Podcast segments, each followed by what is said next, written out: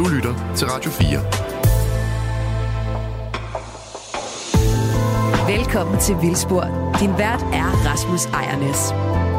I øh, sidste uge handlede det om brand. Er det ikke rigtigt? Jo. Og jeg kan huske, at jeg på et tidspunkt siger i interviewet med Hans Henrik Bohn, at øh, det virker som om, at vild natur faktisk er forbudt i Danmark. Ja, det er rigtigt. Og, øh, og det, det, det, vi starter, hvor vi slap sidste gang. Ja, det- Så Ja, det, det tog vi med videre, det udsagn der. simpelthen. Ja. Fordi øh, vi vil ikke have det, det der vilde natur. Nej, Vi vil det, simpelthen ikke have det. det, nej, det er ligesom, der hele tiden kommer ny, så er der noget andet. Så, så må, altså ved naturnationalparkerne, så skal dyrene kastreres i stedet for. Ikke? Der er hele tiden noget, der er bøvlet ved den vilde natur. Ikke? Den spræller for meget. Ja, det, den er vildt besværlig. Og, og det, vi har ovenikøbet skrevet det i lovgivningen, så vandløbene skal aflede vandet, ikke? Og Ja.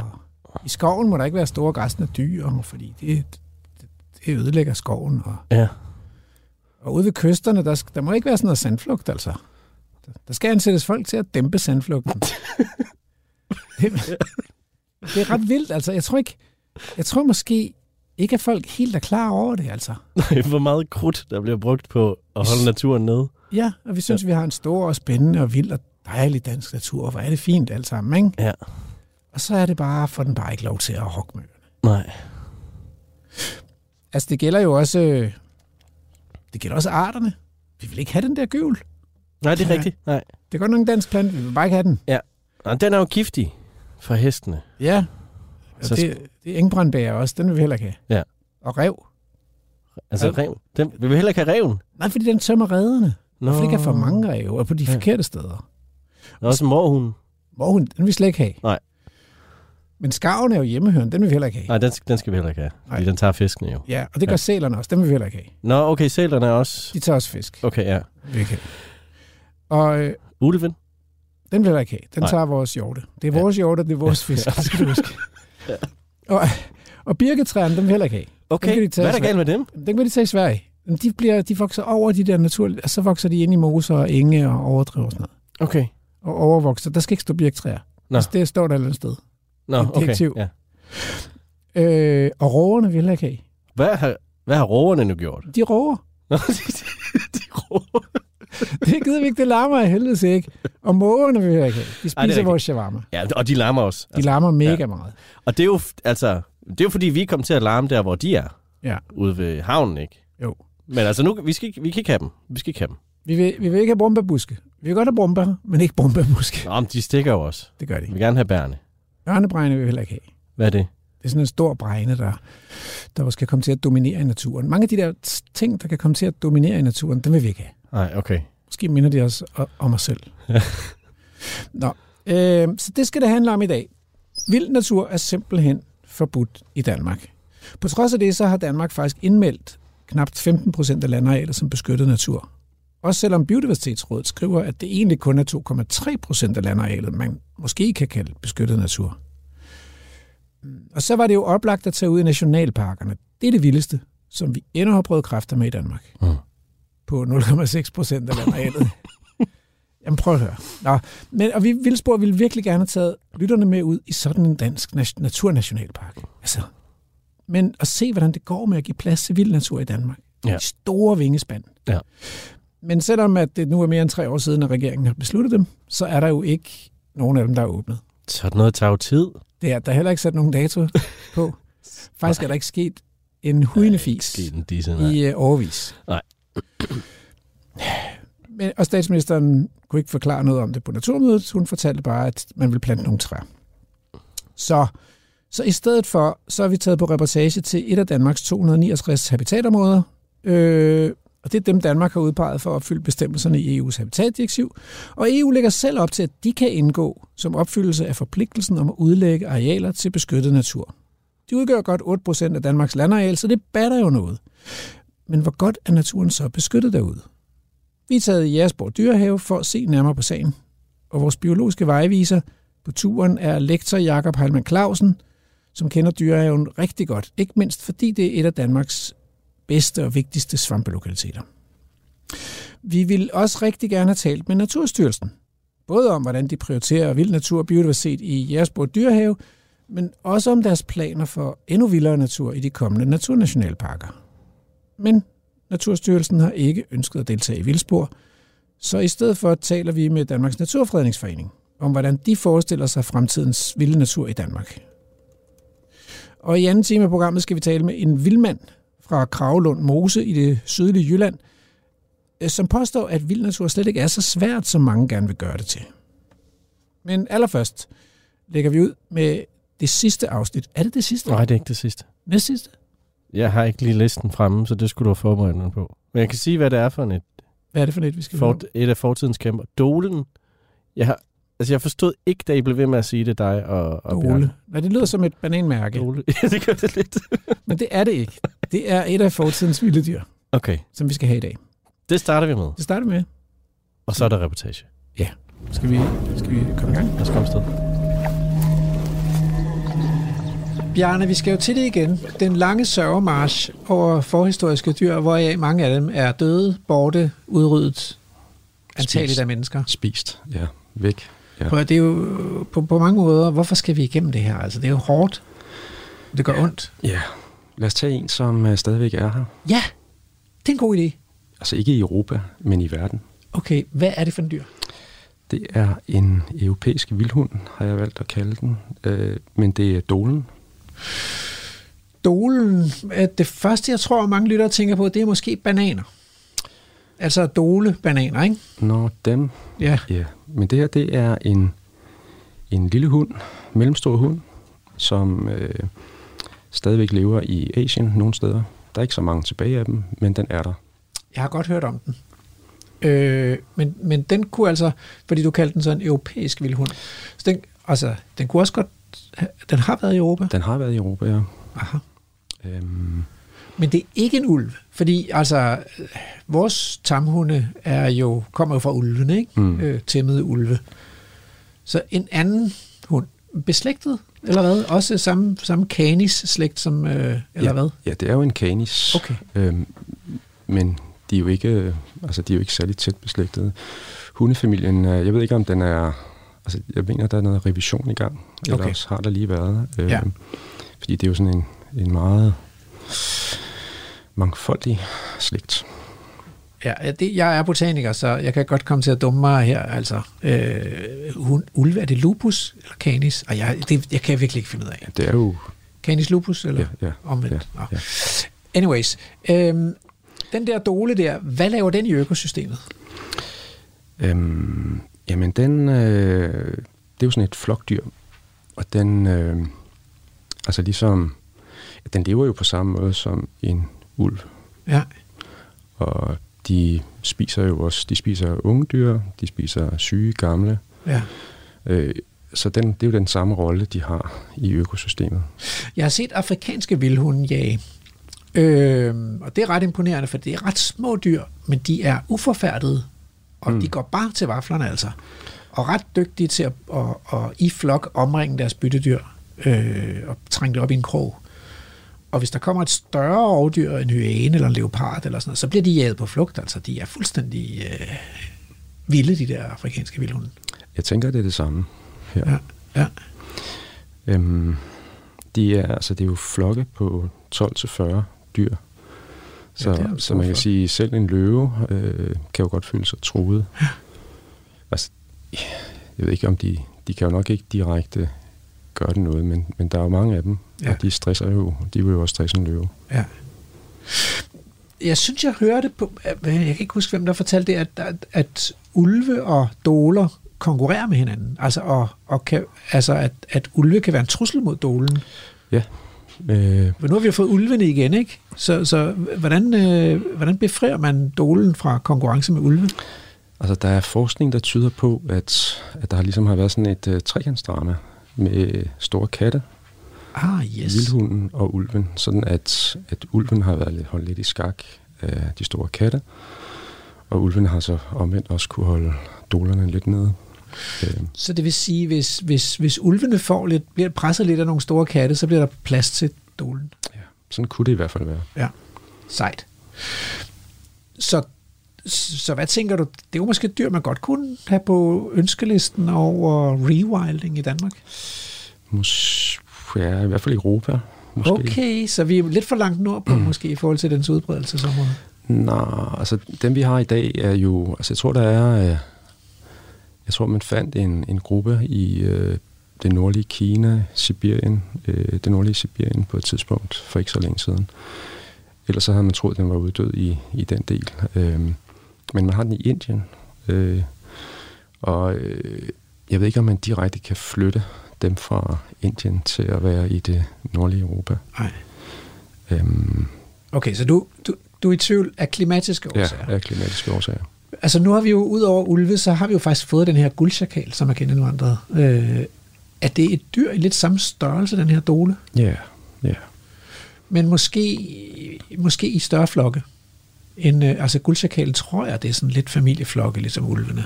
Øh, Eller enkelt. Jeg ved ikke, jeg kender ja. Ikke så meget til den. Nej, nej. Det, den er, vi ved ikke så meget om den endnu, og der er heller ikke så mange af dem i Danmark, så det bliver vi klogere på i det kommende år.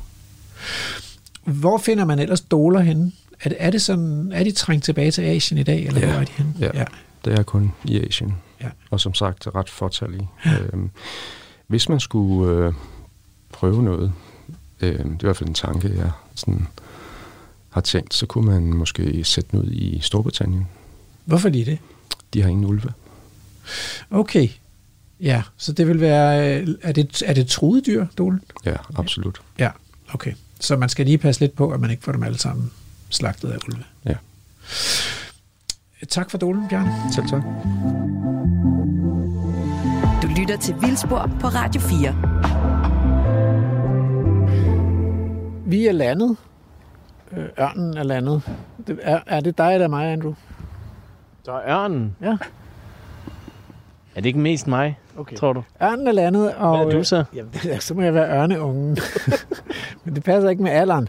Men i hvert fald så er vi landet ved Fortunen i øh, Jægersborg Dyrehave, og øh, øh, her har vi stået og kigget lidt, og jeg har været på toilettet, og så pludselig så kan jeg se øh, min gamle ven, Jakob Heilmann Clausen, lektor øh, i biodiversitet, mykologi, økologi, Naturforvaltning. naturforvaltning ved øh, Københavns Universitet, øh, og det er Center for Makroøkologi, Evolution og Klima. Mhm. Øhm, og du har sagt ja til at møde os her for at gøre os lidt klogere på øh, biodiversiteten i Jægersborg Dyrehave, men også forvaltning af biodiversitet. Fordi udover at vi står her på en meget, meget smuk septemberdag. Solen skinner, det er stille, der er blå himmel, og så står vi under nogle ekstremt smukke gamle træer. Altså øh, store, gamle, krogede, grenede egetræer. Øhm, og et par bøgetræer også. Og, og så i sådan en skov, hvor man sådan ligesom kan... Der er sådan et kig ind under træerne. Øh, og der er langt imellem træerne. En dyrehave. Det er det, vi står i. Det er nemlig rigtigt.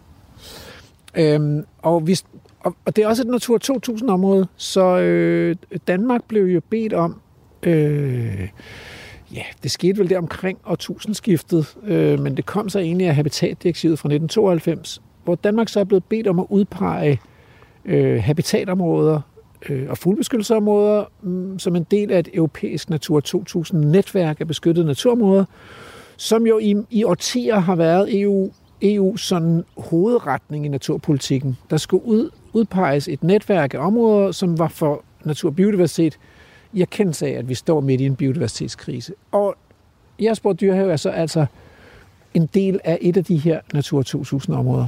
Og, øh, og det forpligter jo, og det er det, vi skal tale om i dag. Øh, hvad vil det egentlig sige, at øh, reservere noget plads til naturen i, øh, i en verden, hvor vi mennesker har taget det meste af pladsen? Øhm.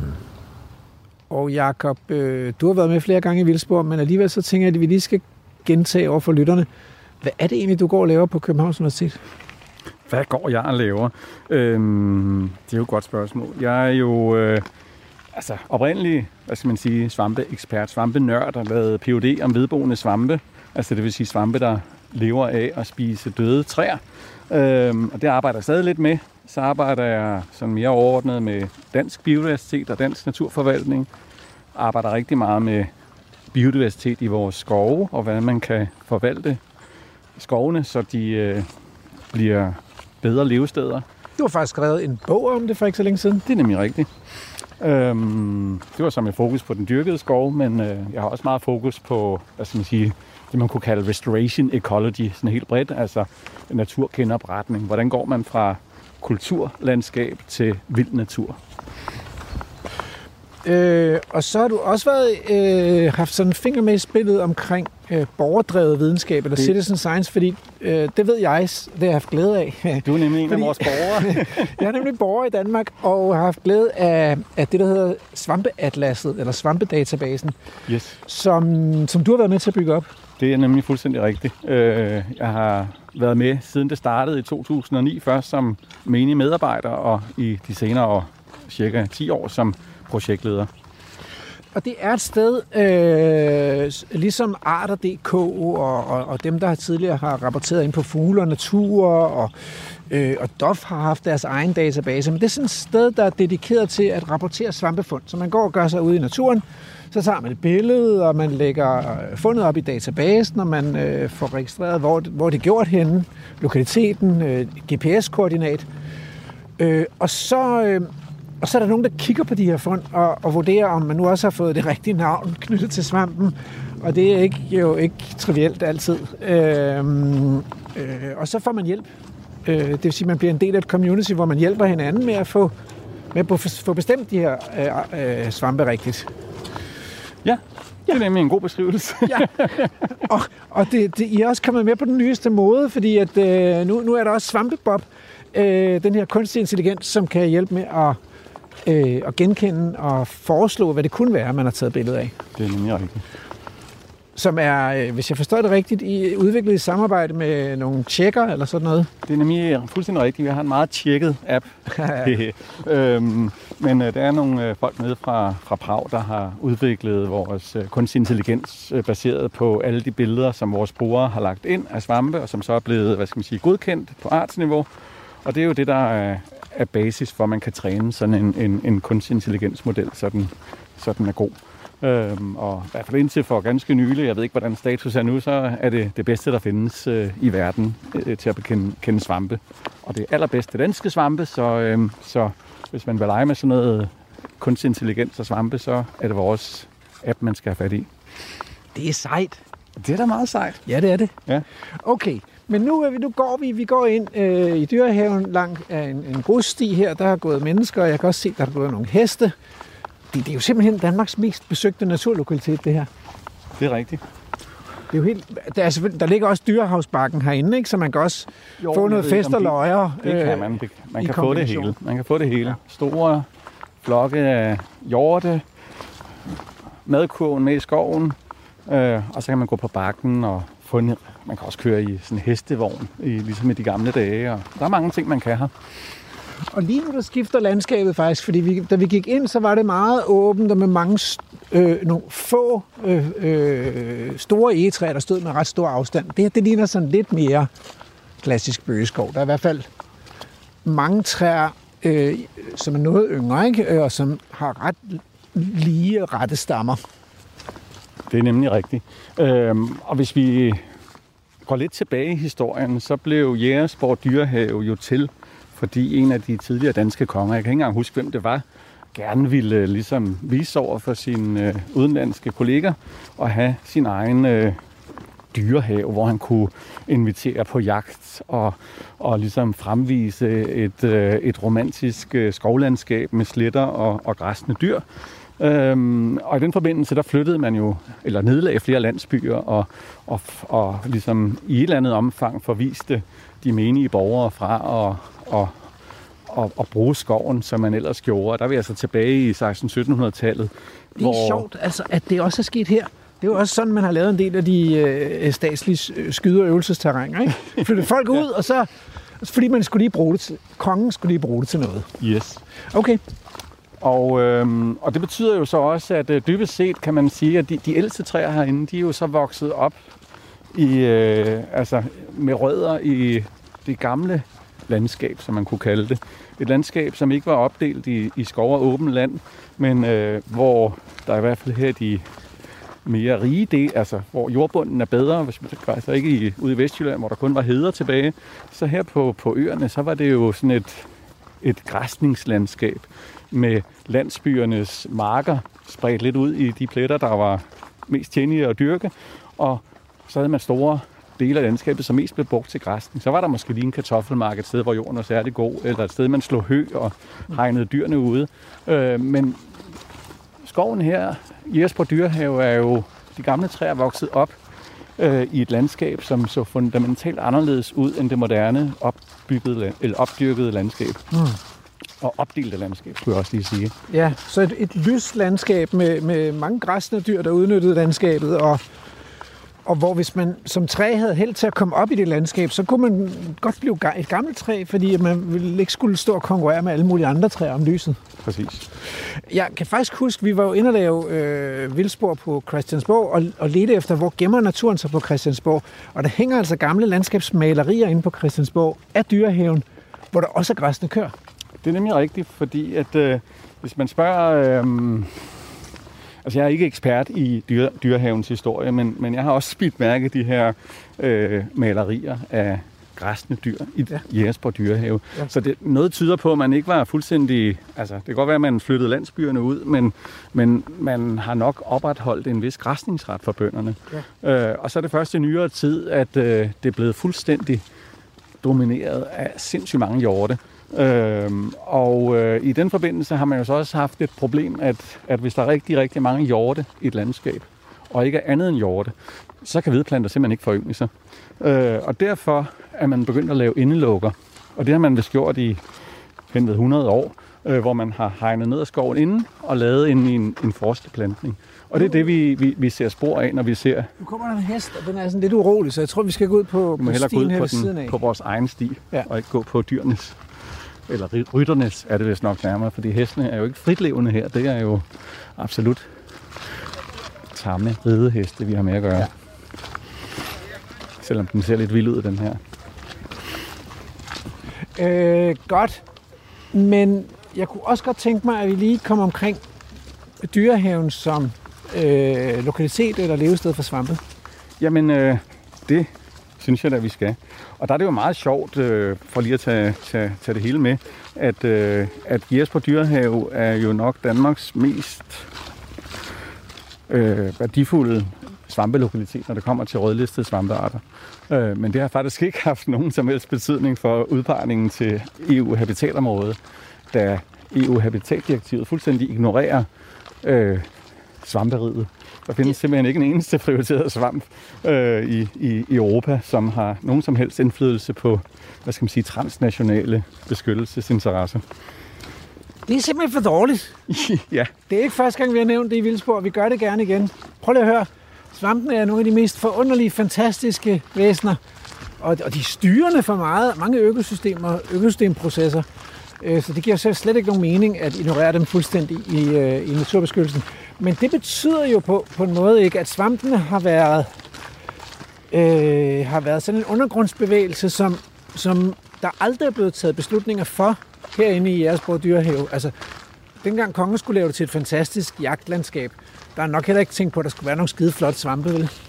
Nej, altså så kan man så sige, at, øh, at Svampeforeningen, som jeg også sidder i bestyrelsen for, har et fredningsudvalg. Og det, det, det fredningsudvalg har været relativt aktivt i at gå i dialog med, okay. med, med det lokale skovdistrikt herude og sagt, hey, der er faktisk en masse rødlistede svampe herude.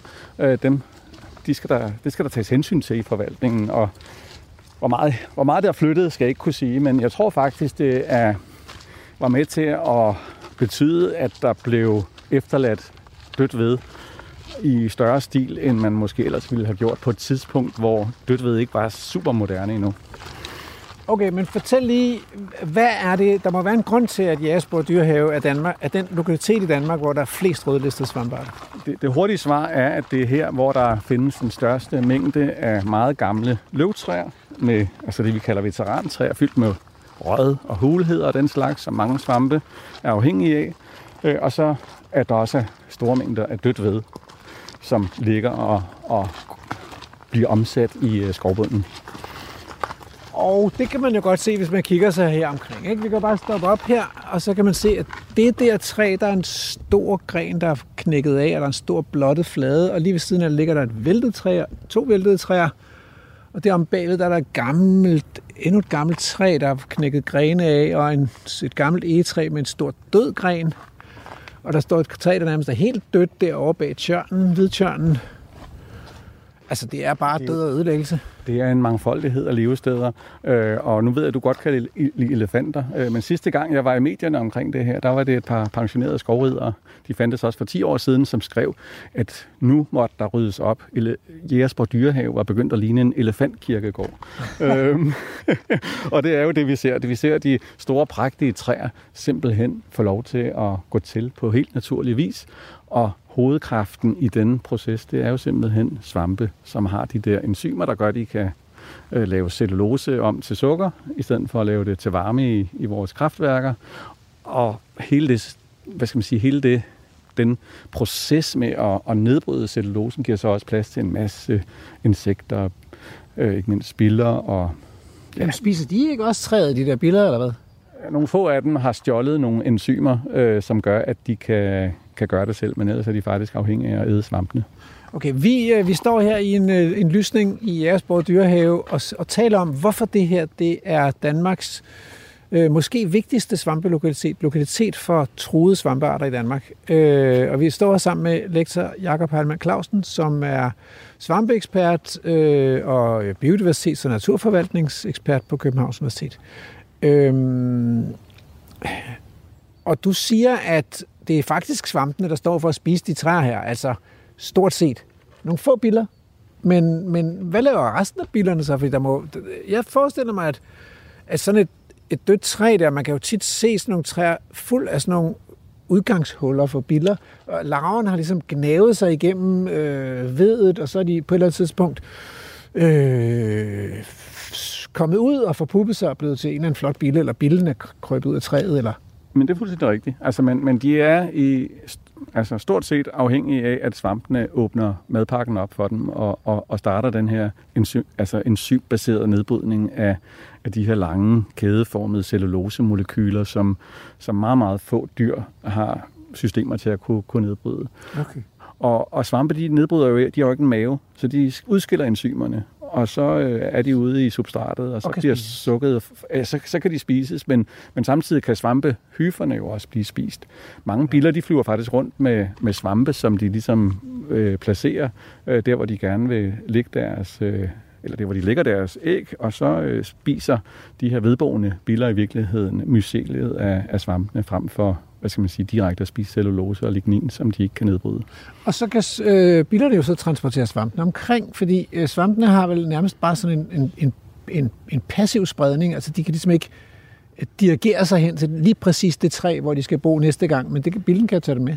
Det er rigtigt, og, og nogle, altså, i nogle tilfælde er der tale om sådan en helt klar symbiose, hvor, hvor, hvor, hvor at det ser faktisk nogle snylte eller hvad hedder det, nogle, nogle trævipse, øh, men også visse grupper af biller, som, som har sådan helt specifikke svampe, de flyver rundt med. Og, altså og elmebakbillen for eksempel, for eksempel den. Og der er det så sjovt nok ikke en nedbryd, altså den nedbryder egentlig ikke så meget den der øh, elmesyge svamp, som, som den har med den, øh, den, den er egentlig knyttet til de aller, aller tidligste nedbrydningsstadier, hvor der stadig er sukker til, til stede, og det er egentlig sådan en overreaktion fra træet, øh, der gør, at, at, at skudene tit dør. Det samme med, med asketoptør i øvrigt, hvor det som også er en svamp.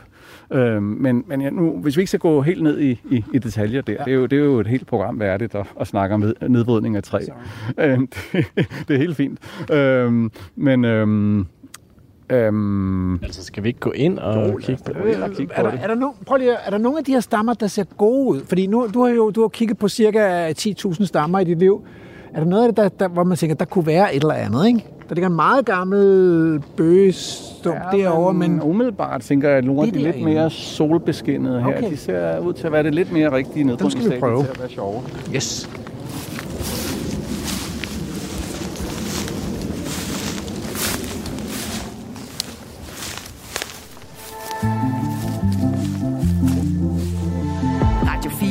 Ikke så forudsigelig.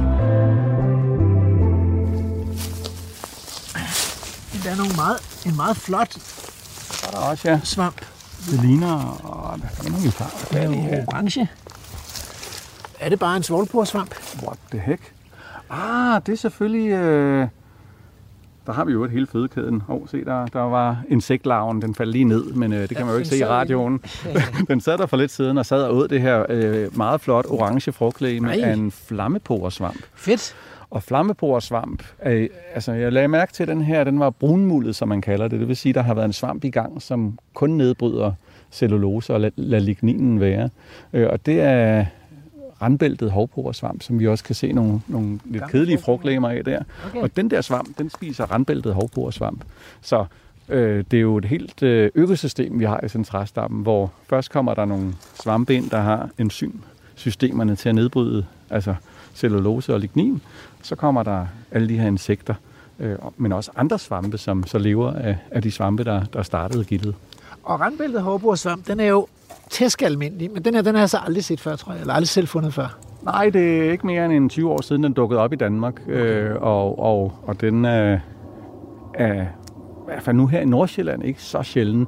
Og hvad skal man sige, en af, altså, den viser jo faktisk, at det der, selv den der lille udlæg af urørt skov, som man lavede i, i 1992, som havde stort tyngdepunkt i Nordsjælland, hvor der er mange statsskove, den har faktisk haft en effekt. Der er kommet mere dødt ved i vores skove, og en art som flammeporesvamp, som ellers er utrolig karakteristisk, og vi har ikke overset den i fortiden. Nu kan man faktisk gå ud og finde den i, i Danmarks natur. Så, så, så selvom vi kan klage meget over, at øh, det stadigvæk går ned ad bakke for bestøvende insekter og sommerfugle, øh, også for mange svampe knyttet til de gamle levende træer. Så nogle af de her svampe, som egentlig bare skal have døde stammer på skovbunden, de er faktisk begyndt at få det bedre. Nu gik der en stor øh, gedehams op lige derhen, så øh, nogle gange kan de lave øh, bo i jorden. Som regel er det jo i døde træer. Og det er jo masser af døde træer her, så det var nok bare fordi, den var nede og finde et andet insekt. Men skal vi kigge lige på den anden en stamme mere? Det kan vi godt. Det kan vi godt. Jeg lige tage den her med. Her.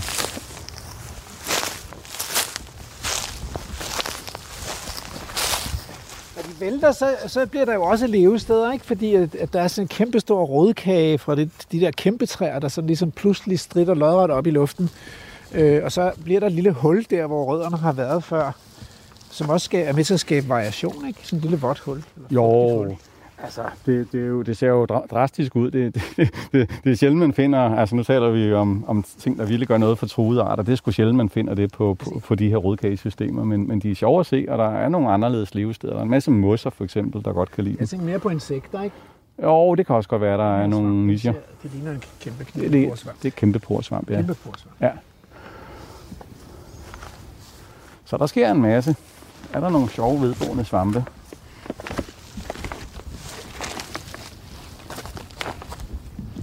Nu øh, kravler Jakob faktisk næsten ind i træet. Finder du noget, Jakob? Ikke umiddelbart, ikke umiddelbart. Er det en skættehat, der sidder der, eller hvad? Der sidder en knippesvoglehat. Okay. Øhm, det er lidt tidligt, øh, selvom det har været en våd sommer, så øhm, der kunne godt have været en masse. Men øh, lige nu, sådan er det med svampe, man ved aldrig helt, hvad man finder. Men de kan altså godt lide, når det er vådt og fugtigt eller hvad? Ja, det kan de jo godt. Altså, de har jo også øh, deres hovedsæson her om efteråret. Og, Ja. og den stamme på den her, på den rigtige dag, så vil man kunne finde 50 forskellige svampearter okay. med Okay. frugtlæmer på den. Øh, Hvad er den rigtige dag så? det, det, det, det er forskelligt fra år til år. Okay. Øh, men det vil typisk være en dag i september-oktober. Ja. Altså, så det kunne godt have været rigtig godt nu. Jeg kan se, at Rasmus kommer med et er eller sådan andet her. kit, kitlugtende, linoljelugtende husvamp, synes jeg. Ja. ja, det er rigtigt. Det må være øh, nikkende hugesvamp. Så nu er vi jo heller ikke sådan helt gearet til, til det helt store feltarbejde, hvor vi vender, vender stammer. og Den, altså, øhm,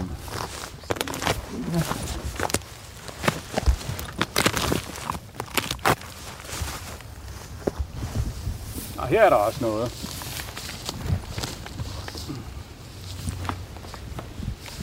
Hvad finder du der? Jeg finder sådan en lille, lidt østershatagtig svamp, øh, men, øh, men med sådan en filtet hatoverflade og så nogle savtakkede lameller. Og det er den, der hedder børstehåret savbladhat, øh, som er sådan en forholdsvis sjælden art, øh, øh, som, som skal have store stammer og løvtræer. Rasmus, har du set, det er en børstehåret savblads hat. Hat. Sådan. Børstehåret savbladhat. Så der, det er din første, Andrew. Er, det, er den der? Ja. Nå, men det er også min første, tror jeg. Jeg tror faktisk ikke, jeg har set den før. Den er meget fin med den der duk, dukagtige behåring der på. Mm. Det er da meget den første gang, du har set den. Ja, men det var det også med den der øh, flammeporesvamp. Altså, okay. Det siger jo også noget om, at Jægersborg Dyrehave, den, den ligner ikke bare alle mulige andre tilfældige skove, vel? Nej, altså jeg tror, begge arter her er nok efterhånden så hyppige, så de ikke er, er rødlistet mere. Øh, det har de været tidligere, men de er netop også knyttet til, til liggende dødt ved. De virkelig krævende arter er dem, der skal have gamle levende træer, fordi dem, de er sgu ikke så nemme at, og lige at erstatte. Øh, de skal jo vokse ude i, i naturen i, i, i flere hundrede år, mindre man, altså det, er jo, det har jeg snakket om i en anden udsendelse, det her med at, at fremskynde den proces øh, ved veteranisering. Øh, men, øh, men de er meget presset stadigvæk. Der er der, der, der helt klart hænger med en vis øh, øh, lemstil i, i vandskorpen i forhold til at overleve i Danmark. Okay, så, øh, øhm, så svampe på dødt ved. Men altså, jeg kan bare huske et eller andet med Jensens vokshat, eller der var en eller anden postmester, eller... Så den her Jægersborg dyr har også kunnet noget for en anden gruppe af svampe. Kan den øh, i et vist omfang stadig, selvom det ikke er, er særlig velundersøgt i nyere tid. Men, men, men du har fuldstændig ret, at, øh, at der findes øh, en internationalt truet vokshatart, der hedder Jensens vokshat, som faktisk har typelokalitet herude. Det vil sige, at den første gang blev fundet og videnskabeligt navngivet baseret på nogle svampe, som blev fundet herude af en postmester, som var svampeinteresseret. Derfor hedder den Jensens vokshat, da han hed postmester Jensen. Øhm, så græslandsvampe er det andet aspekt, der gør Jægersborg Dyrehave til en fantastisk svampelokalitet. Øhm, og, øh, og der er det nok desværre gået ned ad bakke med, med, med diversiteten, selvom vi mangler systematiske undersøgelser af det.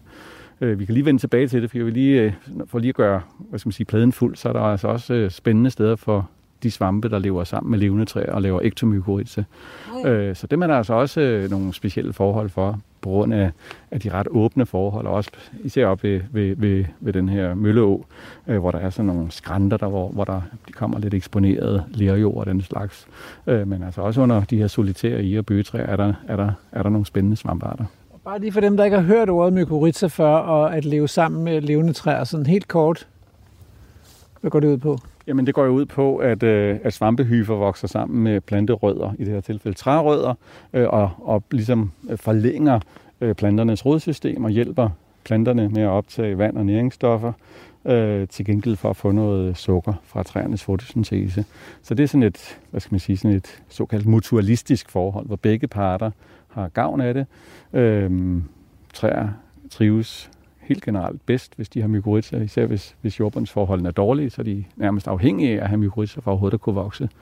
Øhm, og, og de her mykorrhiza-svampe, de er, er helt afhængige af, af deres øh, plantepartnere for at få, for sukker. Så det er sådan et millioner år gammelt samliv, som, øh, som typisk bliver fra svampefronten bliver, bliver dannet af sådan noget som kancereller og fluesvampe og rørhatte. Og også er grunden til, at man ikke går ud på, på en græsmark uden træer og, finder en, en kantarel. Okay, øh, jeg kan huske, at, øh, at blandt svampefolk, og, og også når man skal indrapportere svampe, så er der sådan en, en særlig kategori, der hedder eller andet øh, parklignende landskaber, eller, eller der er sådan en opmærksomhed på, at de får et særligt mykorrhiza-svampesamfund. Det kan jo være øh, en, en park, eller det kan også være en øh, kirkegård, der også bliver sådan lidt parklignende. Men det kan også være sådan en græsningsskov, som den vi står i her. Lige præcis. Hvorfor, hvorfor, hvorfor øh, vil, vil svampene gerne have det? Der er mange flere træer i en almindelig bøgeskov. Der er jo ikke så mange træer her, som der er i en, en bøgeskov, hvor de står tæt sammen. Altså det gode ved svampe er jo, at man kan stille flere spørgsmål, end man kan give svar. og, og det er jo en af grundene til, at jeg synes, svampe er så fascinerende, fordi der er, der er sgu så meget, vi ikke ved. Altså. Øhm, og jeg har ikke noget godt svar på det spørgsmål, men det er jo helt klart, at, at, øh, at sådan nogle halvlysåbne forhold øh, giver nogle helt andre forhold i jorden, øh, end, end hvis du har en, en sluttet skov, hvor der ligger et ty- tykt lag førne. Der er simpelthen forskel i, i, i et eller andet, som, som de her svampe reagerer på. Jeg husker, der var en meget, meget nørdisk, øh, øh, nørdet belgisk øh, øh gardner, som lavede et studie af svampe i en, en, i en botanisk have i Belgien, og fandt ud af, at de steder, hvor der var et godt mosdække. Det var der, alle de specielle svampe stod. Øh, så de kunne faktisk ikke så godt lide, nu står vi i et relativt højt græs, så det skal altså også være øh, græsset så meget ned, øh, at der faktisk er et mosdække, hvis man skal finde de rigtig gode steder, i forhold til i hvert fald det, han kunne vise fra, fra Belgien. Okay, Jakob, øh, skal vi prøve at gå lidt videre og se, om vi kan finde en hjort, og så kan vi også få en snak om, hvordan, øh, hvordan man så forvalter øh, dyrehaven i dag, og hvad man kunne gøre. Det er bare i orden. Du lytter til Vildspor på Radio 4. Så øh, har jeg fået hul igennem her til øh, naturpolitisk rådgiver Daniela Hum Møller fra Danmarks Naturfredningsforening. Velkommen til Vildspor. Tak, Rasmus. Og øh, vi øh, i dagens afsnit, der ser vi lidt på det her med, om vild natur egentlig er bare forbudt i Danmark, eller om vi kunne gøre noget, noget mere for at, at give plads til vild natur. Og reportagen går til Jægersborg Dyrehave, og der går vi sådan lidt og taler om, at der mangler nogle store planteæder. Der er godt nok det her hjortevildt, øh, men de er også tidligere i hvert fald blevet fodret fra dyrkede marker ind i området. Samtidig er det jo et Natur 2000-område, og ikke bare øh, sådan en, en turistattraktion. Så, så hvad, tænker, hvad tænker du skal veje tungest? Øh, dyrehavekonceptet eller, eller naturbeskyttelsen i sådan et område? Jamen altså, nu spørger du mig, og jeg er jo biolog, så set med biodiversitetsbriller, så synes jeg selvfølgelig også, at man sagtens kunne optimere forvaltningen ude i, øh, i dyrehaven, så der blev et større fokus på, på biodiversitet, og du er selv lidt inde på det her også med, altså der er rigtig mange øh, hjorte, og sikkert også unaturligt øh, mange øh, hjorte, og man kunne da sagtens ønske sig en, en græsning for eksempel også med nogle heste og kvæg i området. Det vil man i hvert fald, tænker jeg, fra biodiversitets, eller med biodiversitetsbriller, øh, ønske sig, hvis man skulle have en, en mere naturlig græsning derude. Men så må man jo også bare erkende, at Jægersborg Dyrehave er et område, hvor der er rigtig mange interesser på spil. Altså øh, udover selvfølgelig biodiversitetsinteresserne, er der jo både kulturhistoriske og landskabsinteresser, og det er vel det område i Danmark med allerflest øh, besøgende, tror jeg, i naturen. Øhm, ja, så altså, de, de, de interesser kan jeg ikke øh, veje over for hinanden og, øh, og sige, hvad man bør prioritere, men, men, øh, men fra et natursynspunkt, så kunne man i hvert fald godt gøre det bedre.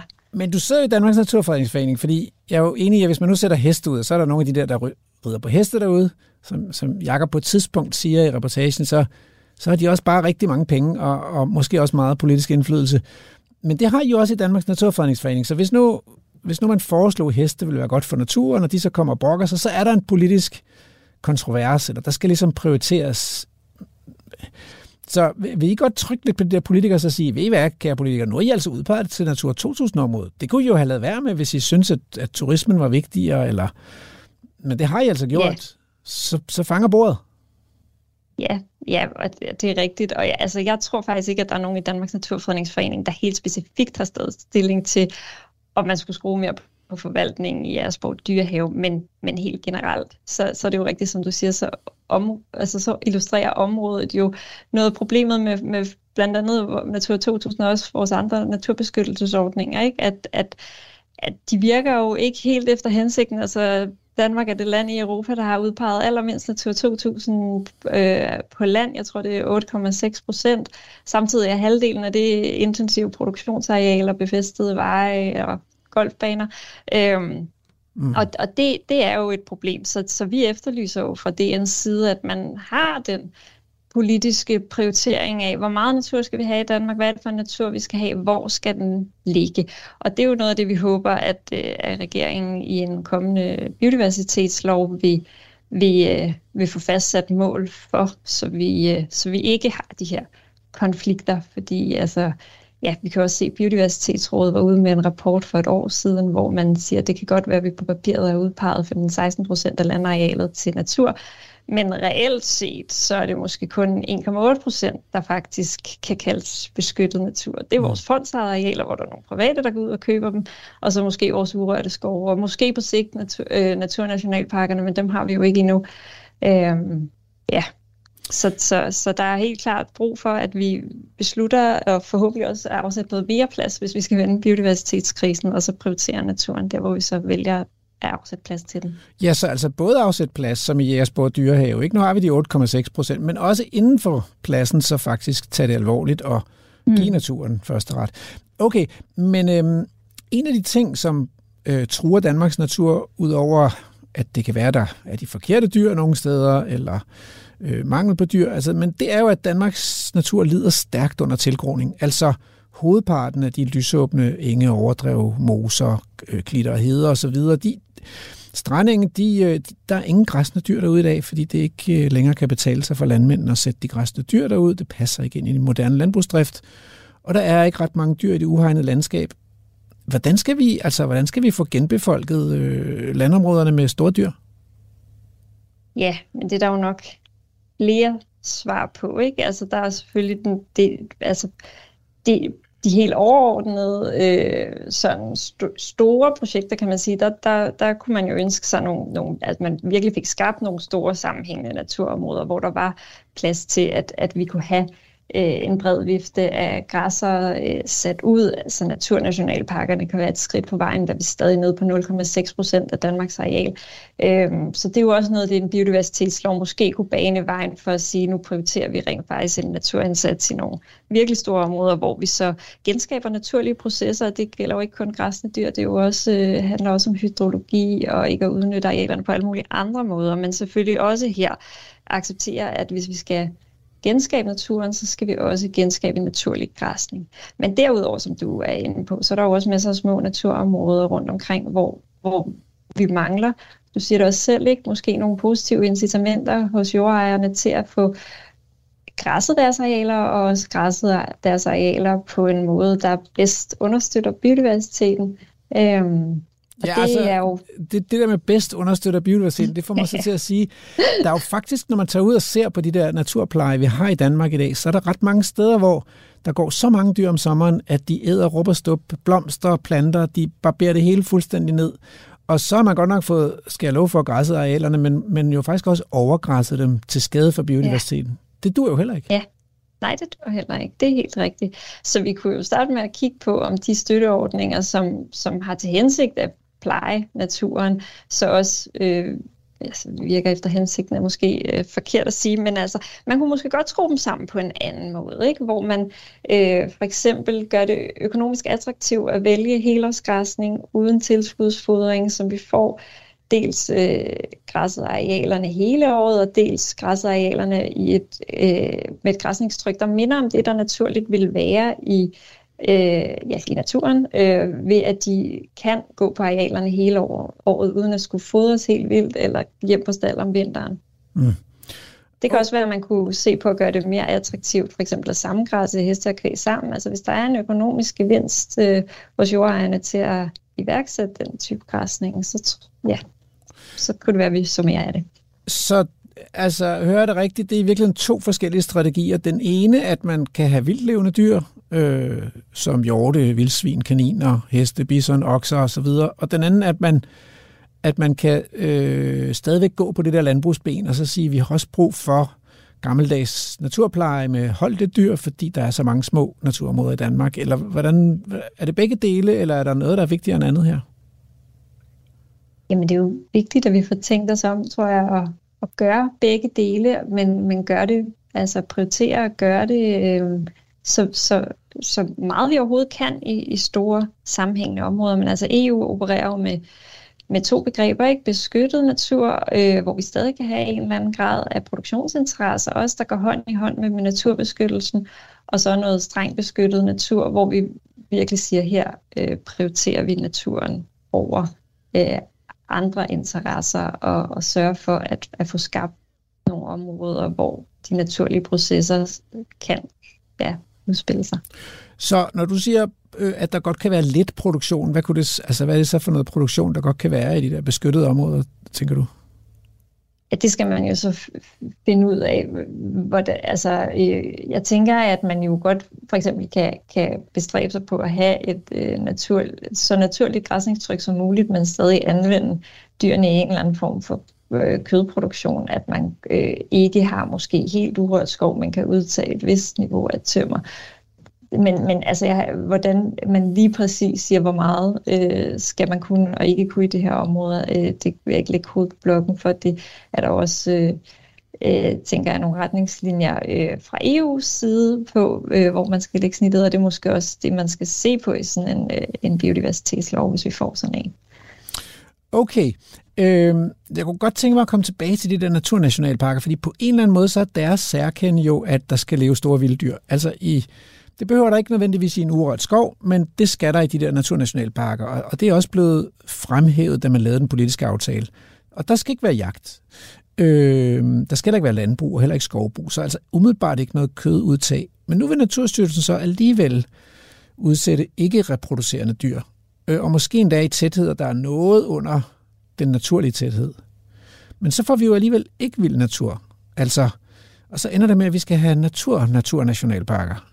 Vil, vil det anholde politikerne fast på, at det på en eller anden måde er et løftebrud over for naturen? De har lovet os vild natur og vildt levende dyr. Øh, ja, altså lige nu synes jeg jo, det mest foruroligende ved naturnationalparkerne er manglen på dem. Men, men altså der, derudover er jeg selvfølgelig også som, som biolog og fagmedarbejder stærkt bekymret for, øh, om der øh, bliver udsat nok dyr i de her områder til, at vi får nogle tætheder, som, som minder om, om det naturlige, når man vælger øh, ikke reproducerende dyr, fordi så, så, øh, så skal der sættes mange ud, og de kan ikke øh, selv øh, blive til flere og for, øh, forny sig i området. Og, og, og som du også er inde på, jamen altså, så, så er det også bare noget andet med, øh, med kastrerede dyr, end det er med, øh, med reproducerende dyr, fordi de har en, en anden adfærd, og bestandene øh, fluktuerer, øh, når man har reproducerende dyr. Det gør de jo ikke, hvis man selv har, har sat øh, sterile dyr ud. Øh, så altså, øh, DN øh, synes selvfølgelig også, at, øh, at det er, er rigtig vigtigt, at vi holder politikerne fast på, at øh, hensynet med naturnationalparkerne faktisk var at give naturen plads til at udfolde sine naturlige processer. Og, og, og hvis jeg må i den sammenhæng, så vil jeg gerne øh, citere, citere DN's øh, præsident, Maria Rømert Gerding, fordi hun var faktisk ude her i august i Altinget med et øh, indlæg, hvor hun netop berører det her, og hvor hun siger, at øh, det må du hvis Naturnational... Tak, Rasmus. hvis Naturnationalparkerne skal have den effekt på biodiversiteten, som er hensigten, så er det helt centralt, at de beslutninger, der træffes om forvaltningen, hviler på et fagligt grundlag. Det vil sige, at der skal udsættes de arter af store planteædere, der bedst understøtter biodiversiteten i den enkelte naturnationalpark, og de skal udsættes i en tæthed, der giver et naturligt græsningstryk. Af for den. Altså, hvis I skal tage jeres præsident alvorligt, så kommer jeg til at tænke på øh, vildsvin. Ja. Der er fuldstændig faglig enighed om, at de understøtter biodiversiteten rigtig godt. Og det er dyr, der mangler, og det er i alle naturnationalparkerne. Men hvad så? Ryster ind på hånden der, eller vil man, vil man sige, at vi vil have de der vildsvin, også selvom der lige er udbrudt svinepest i Sverige? Vi vil gerne have vildsvin i Danmark. Sådan. Ja, i sådan. Øh, både vildt og øh, i naturnationalparkerne. Men vi accepterer også, at det har man jo så valgt ikke at gøre fra politisk side, og det tager vi til efterretning. Men, men altså, I, vil ikke selv, I vil ikke selv sætte dem ud, forstår jeg? Nej, nej. nej. Ja. Øh, men, øh, men vi synes jo, man skal forsøge at forebygge og løse problemerne der, hvor, hvor de er. Det er altså ikke vildsvinet, der, der er problemet, øh, så man ikke man kan finde løsninger, så, så man også kan have en svineproduktion øh, og vildsvin i den danske natur. Så er der dyrevelfærdsspørgsmål. Har det en tænkt over det, eller er det bare, har I lagt det helt over til dyrenes beskyttelse? Fordi i dyrevelfærdslovens paragraf 1, der står der jo, at vi skal respektere dyrene som sansende og følende væsener. Det er jo meget, et meget, en meget fin paragraf. Mm. Men, men det er jo ikke særlig respektfuldt at øh, kappe klokkeværket på handdyrene. Øh, sådan føles det i hvert fald ikke herfra som handdyr. Øh, det er vel heller ikke særlig respektfuldt, at man går og beslutter sig for, hvornår dyrene skal dø, altså. Øh, og man skyder dem, hvis ikke de ønsker at dø. Nej, det, det, det, det, det, kan du, det kan du godt sige. Øh, men du ved også, at det er en, øh, en, en svær debat, og, og der tror jeg, at DN's linje er jo, at vi selvfølgelig skal respektere øh, dyrevelfærdsloven. Øh, det er også derfor, jeg så, citerer den. Ja, ja, det er jeg godt klar over, at du gør. øh, men det gør jo, at vi kommer til at regulere de her dyr, uanset hvor, hvor, hvor meget man øh, kunne ønske sig, at de øh, levede et helt øh, naturligt liv og, og lå som ådsklar hensyn til, til at indgå i økosystemet med, med hele deres øh, ja, krop. Øhm, men, men, men, men vi har en dyrevelfærdslov, der gør, at, øh, at vi selvfølgelig skal leve op til de krav, der er om, at dyrene skal være ved godt hul, og at de skal tages ud, hvis, øh, hvis der er tvivl om, hvorvidt de vil kunne klare sig, og man skal ikke, øh, at vi ikke kan lade dyrene ligge og dø i naturen. Men den opgave har de jo faktisk løst på Mols Laboratoriet uden anmærkninger. Så, øh, ja. så det kan vi jo godt. Ja. Så der er vel egentlig ikke noget mega stort problem. Nej, der bliver forhåbentlig ingen problemer øh, i naturnationalparkerne med dyrevelfærd. Det håber jeg da heller ikke. Daniela Hummøller, tusind tak for at gøre os lidt klogere på, øh, hvordan DN ser på vild natur. Selv tak, Rasmus. Så er det blevet øh, tid til nyheder, og i anden time af Vildspor, der øh, skal vi snakke med øh, Martin Sandager fra Kravlund Mose og høre, om han synes, det er svært at lave vild natur. Og vi skal også ud på reportage igen til øh, Jægersborg Dyrehave, og der kommer også en spade for en spade. Glæd jer. Du lytter til Radio 4. Velkommen til Vildspor. Din vært er Rasmus Ejernes.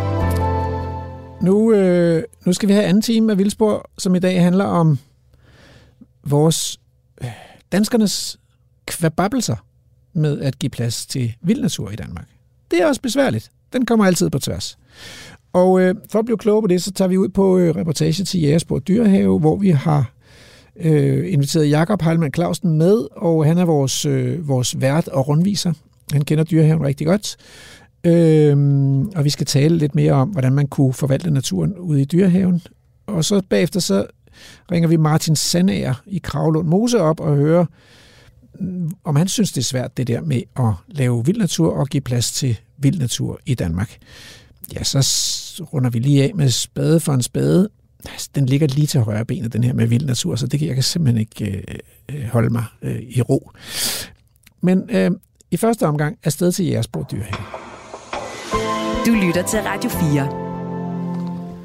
Rasmus, øh, du proklamerede, øh, eller spurgte, om vi ikke skulle gå ud og finde en hjort, og I, I går stadig og leder efter svampe alligevel. Ja, men det er sådan er det med mykologer, men øh, Kan du, kan du et hjortekald? Jeg tror ikke, vi får en hjort at se. Jeg tror, de er nogle andre steder lige nu, men altså, man ved aldrig. Sådan er det med hjorte. Men øh, uanset om vi får en hjort at se eller ej, så kan vi jo godt øh, bevæge os lidt igennem stykket her, og så, og så tale om det. Ja, Om hjorten. ja. Du kan måske lige sige, hvor vi er og hvem vi er. Vi er i Jægersborg Dyrehave, øh, og vi går her sammen med Andrew, han slæber på alt udstyret, og vi andre vi går og hygger os og ser, om vi kan finde nogle svampe, og det er, det er jo deres vært, Rasmus Ejnes, og så er det Jakob Heilmann Clausen, lektor øh, i mykologi, biodiversitet og naturforvaltning ved øh, Københavns Universitet.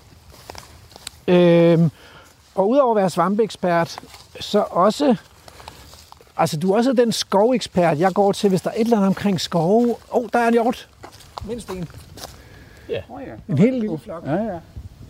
af små dårdyr.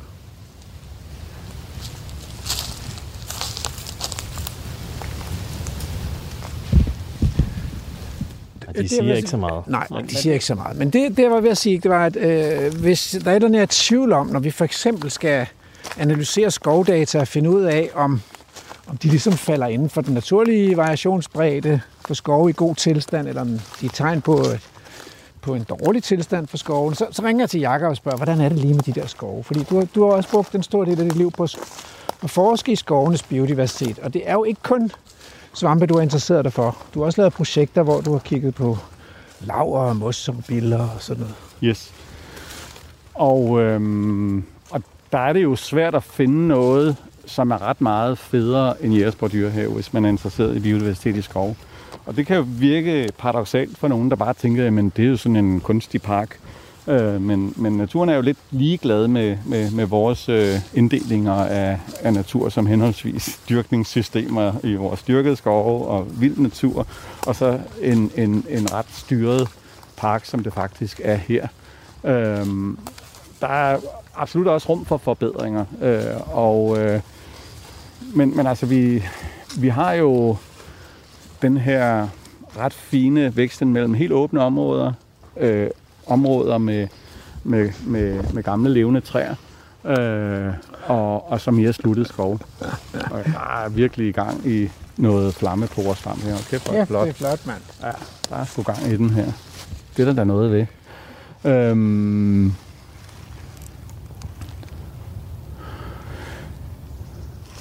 men vi kan se, vi...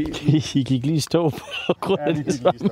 Men Der er ligger en stor død svamme, øh, stamme her, ikke? Øh, med, med store hovformede poresvampe på. Der er både tøndersvamp og Randbæltet hovporesvamp, og så... Og så er der den, den der flammeporesvamp, som er virkelig flot orange, altså. Ja, det er sgu flot. Øh, så det er rigtig flot. Øh, men men øh, øh, hvis vi bevæger os over i det der forvaltning, så, så, er det, så har jeg et par spørgsmål. Ikke? Fordi, og jeg kunne egentlig godt tænke mig om at starte med at sige, det er jo Natur 2000-område. Så hvis nu øh, man skulle springe ud i det og så sige, okay, så er det, så er det, dem har vi kun 9,5 procent af i Danmark, øh, det danske territorium. Øh, der er Natur 2000 område, så det kan vi vel sige, at det er for naturens skyld. Mm. Mm. Naturen har første ret, og naturen har første prioritet.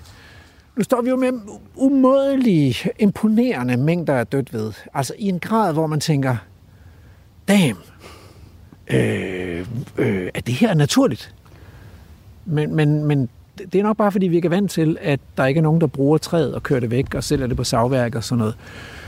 Men betyder det så, at skoven, at biodiversiteten har absolut første prioritet i det her Natur 2000-område?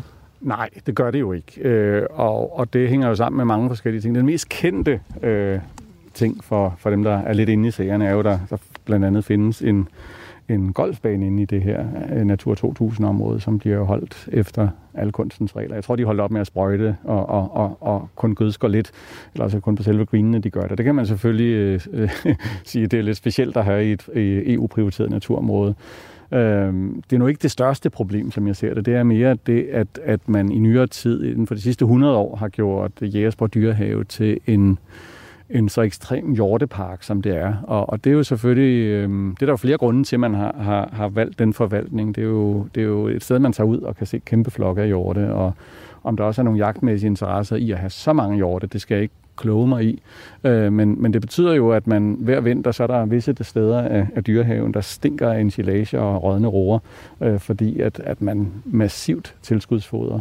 Øh, og, og indtil for ganske nylig, jeg tror nok, jeg har hørt rygter om, at det bliver stoppet i år, øh, eller så det næste år, så, vil man, så havde man også marker i omdrift herinde, for simpelthen at dyrke vinterfoder til det her hjortevildt. Øh, så det var jo en, en, en kunstig opretholdt meget, altså man vil også gerne have nogle rigtig store, imponerende hjorte. Øh, så der kan man sige, der er noget med, med, med forvaltningen af de der store planteder herinde, som, som har skabt øh, et ret unaturligt øh, scenarie. Øh, og, og, og, og det kan man jo også se på vegetationen. Den er generelt meget langhåret, øh, samtidig med at alt, hvad der hedder vedplanter, bliver et ned, fordi de der vedplanter, de er nok det mest spændende supplement, man kan få til, til, til, til den tilskudsfodring, der er om vinteren. Så, øh, så der, der er sgu ikke øh, nogen af de der hjorte, der gider at spise grove græsser. Øhm. Okay, så der er en, en række problemer her. Øh, så, så hjorten er, det er måske lidt for snævert bare at have hjorte. Så, så er der ja. for mange af dem. Øh, og så bliver der, bruger man, spiller man også en del af arealet Natur 2000-området. Både til at spille golf på, men også til at dyrke hjortemad på. Ja. Øh, og øh, så hvad skulle man gøre? Altså, så kongen er død. Kongen er død. Ikke? Så, øh, så vi har frit spillerum her. Ja, altså hvis man tog øh, sagde, at øh, nu er det bare biologerne, der bestemmer, og øh, publikum... Og, ja, hvorfor egentlig ikke? Ja, hvorfor ja, egentlig ikke? Lad os bare øh, lege med den tanke. Den er jo altid rar, når man nu er biolog selv. Øh, så vil man jo sige, det her det er jo tæt på at være et rewildet område. Øh, vi sørger lige for at supplere bestanden herinde med for eksempel nogle køer, Øh, måske også nogle, nogle, nogle vildlevende heste, i stedet for de der rideheste. Og så lader vi det forvalte sig selv. Ja. Øhm, det vil nok være det et dødstomt projekt. Øh, for... Ej, nu, det er for tidligt. ja. Det er for tidligt. okay. Så helt godt. Ja. Øh, og så, øhm, øh, så skal de jo ikke fodre som vinteren, vel? det er vel så, skulle de så skulle de ikke altså, fodre som vinteren. Vi skal øhm, lige til bunds, ja, det, ja, inden vi øh, ødelægger illusionen. Området har jo, især nu hvor man faktisk skal være udvidet op i Jægersborg Hegn, ja. øh, så har det jo et område på, så vidt jeg husker, over 1000 hektar. Så det er jo, vi er oppe i en størrelse, hvor at, øh, at det vil fungere fantastisk som et område. Så en naturnationalpark kunne det jo blive det til? kunne det blive, og med et meget, meget højt startpunkt for, for, for biodiversitet. Og er, altså, vil det, vil det komme på tværs af insekt- eller svampeinteresser at gøre det? Eller det, vil det tværtimod understøtte dem? har, altså, jeg har meget, meget svært ved at se, at der ikke skulle være, være kun gevinster ved det. Alright, og øh, skulle man gøre noget andet med træerne? Du siger, at nu, nu, nu laver man egentlig sådan nogle hegninger, hvor man så øh, får nye træer op. Og der er jo, altså i hvert fald hvis jeg kigger omkring her, der, der er et, godt rekrutteringsgrundlag for, for gamle træer også her, ikke? Jo, det er en af de bedre bevoksninger. Der er altså nogen, der ser ret håbløs ud, fordi man simpelthen har lavet forskelig foryngelse. Det er også tæt på, altså her har man stillet dem ud på lidt stor afstand, men, men det er jo, det er jo en meget unaturlig øh, bevoksning, vi har. Det er jo nærmest en, en, en forskelig bevoksning, der er stillet på ret stor afstand, så, så træerne er begyndt at blive, blive, blive bredkronet. Og den, den der idé med, at man bliver nødt til at hegne nogle områder ind for at forynge skoven i nogle bestemte områder, det vil jeg jo selvfølgelig også straks sige. Det må vi have stoppet. Øh, vi må, må, må, må åbne det hele op, og så øh, må man forvente, at græsningstrykket indstiller sig på et niveau, hvor der faktisk, altså især hvis man fik nogle dedikerede græsser ind, øh, og, og, og, og, det, og formod, altså, man skulle nok, altså jeg ville sgu nok sige, at man skulle starte med at halvere øh, bestanden af hjorte, øh, for simpelthen at, at skabe et mere naturligt. Det er jo helt unaturligt, at, at hjorte vildt dominerer i sådan nogle systemer, sådan rent biomassemæssigt. Det er jo generelt de lidt tungere dyr, der, der, der, der, der styrer, fordi de ikke er følsomme over for rovdyr på samme måde. Og Der er jo øh, faktisk øh, rigtig mange ude i Vestjylland, der synes, at Ja, ulve. flytte ulven til. Giv dem nu, for nu er de så glade for ulve i København, det- så giv dem nogle ulve i Jægersborg Dyrehave. Ja, men det kunne være spændende også. De Ja. kunne jo sikkert, øh, når de nu, øh, forhåbentlig så svømmer de jo en dag til Sjælland, og så, øh, har vi vil, balladen. vil, så har vi balladen. Det bliver sgu spændende. Nej, men undskyld, fordi din pointe var sådan set bare, at hvis der havde været ulve i systemet, og det ville der have været et naturligt system, så ville de have holdt de her hjorte væsentligt nede i bestandsstørrelse, Yes, og så yes. ville de store dyr have kompenseret. Ligesom man ser i Yellowstone i dag, Yes, hvor yes. bison overtager fra, øh, fra American elk, eller den amerikanske kronhjort. Lige præcis. Ja. Cool. Øh, det forstår jeg godt. Øh, er der andet, man burde gøre noget ved? Hvordan er det med vandet herinde? Fungerer, øh, fungerer det med det vandet? største problem jo nok, at, øh, at vi ligger inden for en storbys øh, hvad skal man sige, grundvandsmagasinområde, så, så vandstanden er sænket en, en del på grund af grundvandsindvinding. Mm. Øh, og man kan gøre noget ved det. Det, det kan man sikkert, men, men det er jeg ikke ekspert i. Det er ikke Altså, sikkert, det, det sig er, ikke, der er ikke fyldt med, med funktionelle dræn herinde. Altså, det er jo ikke sådan, at, at, at der er åbne grøfter, hvor der bliver drænet. Der er nogle, så vidt jeg husker, nogle, nogle, nogle små, relativt fine vandhuller, hvor der er nogle forskellige øh, varmekrævende damrokker og ferejer og sådan noget. Ja, jamen, det er rigtigt. Så, så på er den måde rigtigt. kan øh, Der dyrehaven er også noget noget. elsump og sådan noget, så, så det er ikke fordi, det, der ikke er, er spændende hydrologi herude. Okay. Øhm, men hvorfor gør man så ikke det? Eller, eller jeg kan også spørge om, når nu det er øh, Danmarks mest øh, st- største naturattraktion med allerflest besøgende om året, hvad vil så udfordringen være ved at gøre det? Øhm, altså, udover almindelig konservatisme, øh, som jeg også tror spiller en rolle i forhold til ikke at, at, at, at gøre begynde at justere. Det er man så småt begyndt på, skal jeg hilse at sige. Jeg har haft møde med skovrideren faktisk, og, og det er ikke sådan, at man, man er lidt bange for at ændre for, forvaltningen, netop fordi der kommer de der mange millioner mennesker hvert år, og, og, og de, der vil helt sikkert være nogen, der brokker sig, hvis der kun er halvt så mange hjorte herude, eller hvis der pludselig render køer rundt. Øhm, men, men altså, mit forslag var jo så at sige, altså fordi nogle af de her ting vil være svære, ikke? der er jo sindssygt mange ryttere herude, øh, det kan give nogle, det vil nok gøre det lidt svært at have, have vildheste herude, øh, men det man jo i hvert fald godt kunne gøre, og, og uden egentlig at gøre det til et rewilding-projekt, det var jo at invitere nogle kogræsserlag indenfor. Det ville jo være sådan en, en, en meget, øh, altså hvor man faktisk også inddrog, hvad skal man sige, de om, omkringliggende borgere, øh, og måske fik lidt medvind på cykelstien der, øh, frem for at starte meget kontroversielt måske med at sige, nu skal vi have vildlevende køer.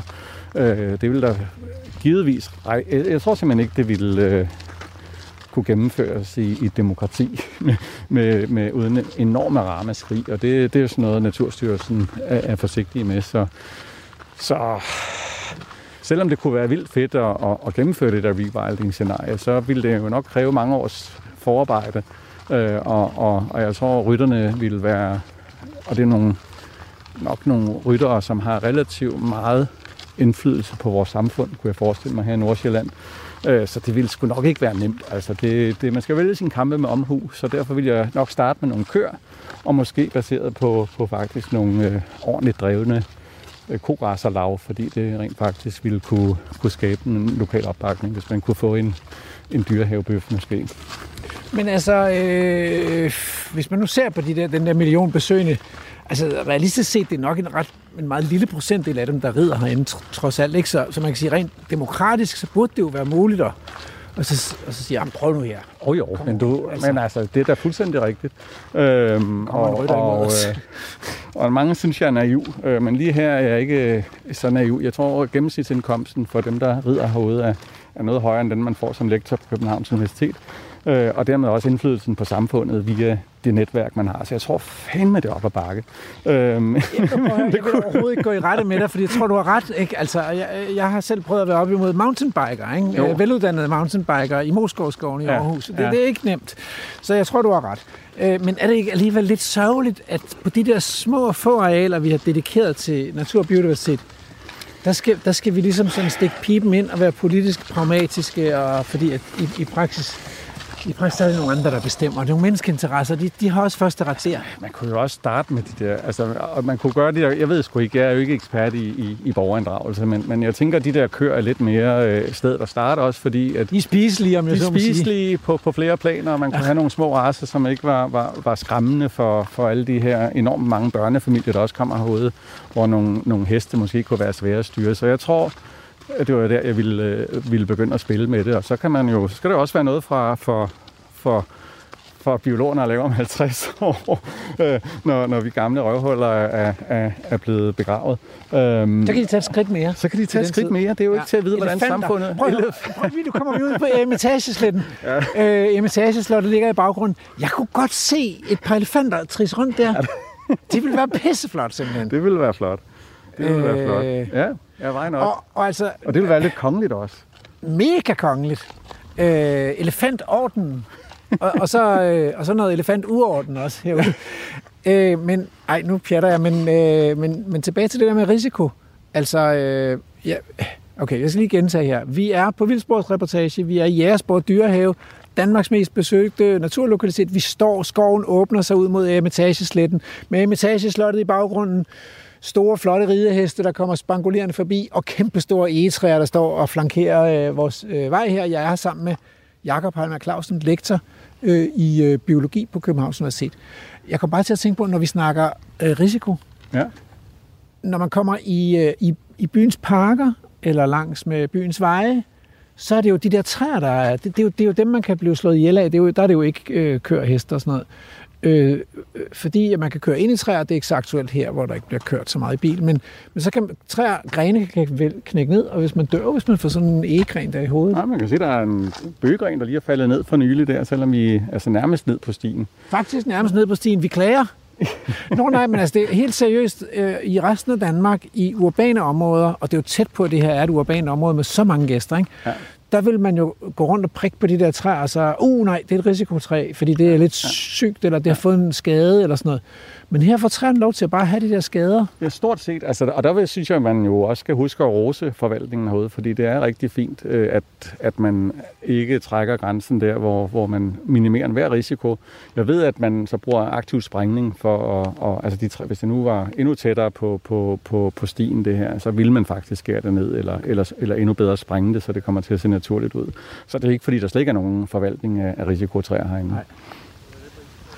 Nå, men altså, jeg, jeg, jeg må da også bare lige konstatere, at, at, at en eller anden form for risiko havde man jo så. Så måske handler det her også om lige så langsomt at vende befolkningen til, at, at dyr kan være farlige, men til gengæld er de jo også mega fantastiske at observere. Ja. Og, og der vil også være noget lidt, lidt ærgerligt, hvis det bare var sådan nogle, nogle bøf, bøfdyr med øremærker. Ikke? På en eller anden måde oh, ville tage lidt det. af det æstetiske. Ja, men det ville det da. Det ville det da. Øhm, og ligesom hvis, hvis alle de her øh, egetræer var skåret ned som højstube, så ville der sgu også være nogen, der klagede, ikke? Selvom, jo. selvom jo. det ville gøre den mindre farlige. I øvrigt kan man jo se på vegetationen her, nu ved du vegetationsøkologi, ikke økolog, man kan jo se, at, at det ikke er et optimalt uh, græsningsregime, der kører her. Der er fyldt med brændende eller lysesiv og... Og, og, og græs? Og græs. Der er sindssygt meget græs her. meget græs. altså, øh, og, øh, og nu er jeg jo øh, på det seneste i nogle af de der øh, Facebook-grupper, øh, hvor man udveksler erfaring om naturforvaltning og sådan noget, set sådan nogle, nogle, nogle billedserier af, hvad der sker efter nogle få år efter, man har sat helårsgræsne heste ud i sådan et naturområde. det er, jo, det er jo sådan, at man tror jo simpelthen ikke sine egne øjne.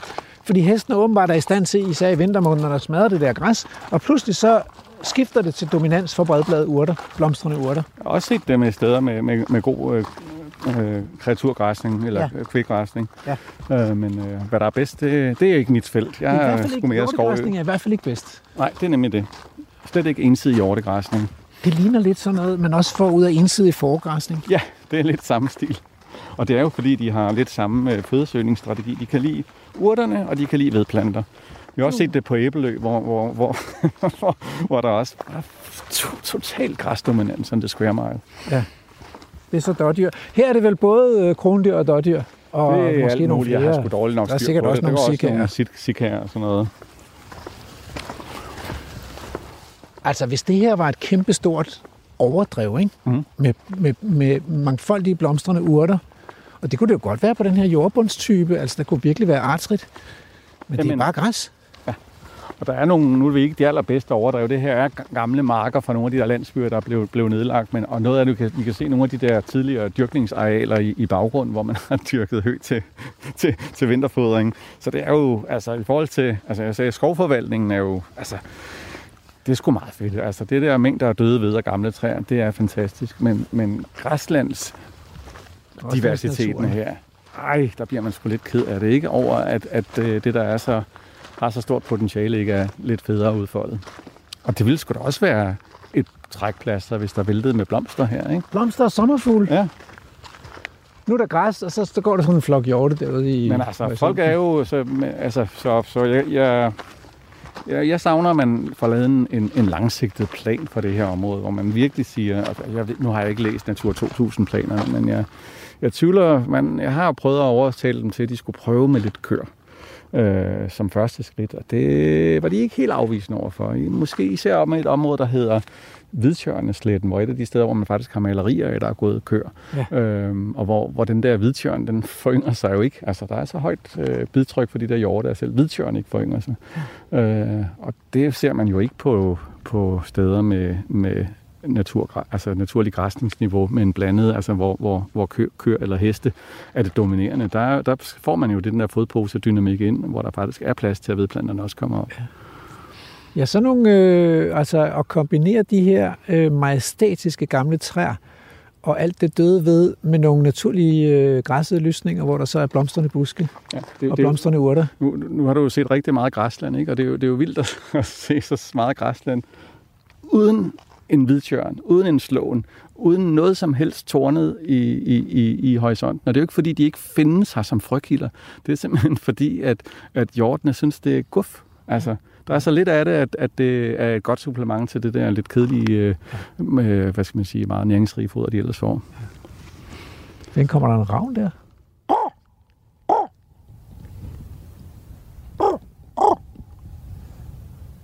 Den gider ikke at snakke med dig, Rasmus. Nej, ellers at være ravneviskeren. Jamen, det er det. Du lytter til Vildspor på Radio 4.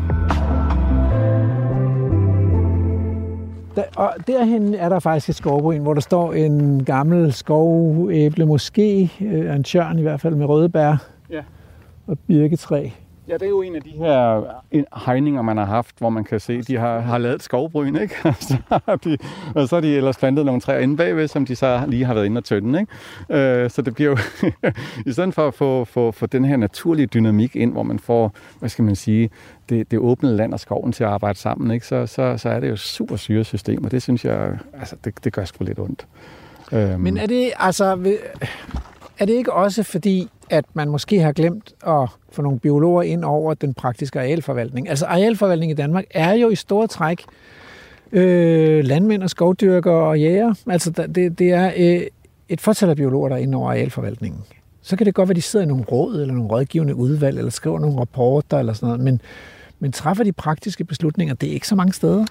Det er på vej frem, vil jeg sige. Øh, men, men, øh, men det sker stadig for lidt. Øh, og, og det er jo klart, at, at altså nu, øh, ja, altså nu er der jo også sket en, en altså da jeg læste biologi for, for de der snart 30 år siden, eller hvor meget det nu er, der var jo heller ikke ret mange, der egentlig havde styr på de her skovøkosystemer og, og økosystemforvaltning, så det er jo også en ny faglighed, der er ved at vokse frem, og når jeg underviser øh, folk på skovskolen, som jo typisk er dem, der vil overtage de her jobs, så de er jo også med på noderne. Altså det er sgu da, de der lige så interesseret i, i, i de her dynamikker, så, så, så jeg tror ikke kun det er, er, er et spørgsmål om præcis, hvad der står på ens eksamensbevis, men også, øh, men også et generationsspørgsmål. Og det er jo ligesom med mænd og kvinder, at, at, at kvinder kan også være fremragende skakspillere, ikke? Og, og, og, og, og mænd kan være fantastiske børnehavepædagoger, så jeg er fuldstændig enig men, i, at, men, at det, ikke, det er ikke det, der står på... Men, på nej, nej. Og, og, og jeg har mødt apropos børnehavepædagoger, ikke? vi har også været ude med Kasper Malmberg, han er en fremragende naturhistoriker, selvom mm, han er børnehavepædagog, så det er, det er mere interessen, der er afgørende. Interessen og så selvfølgelig fagligheden, ikke? og den, den får man jo ikke nødvendigvis som, øh, som forstkandidat eller, eller, eller slinger.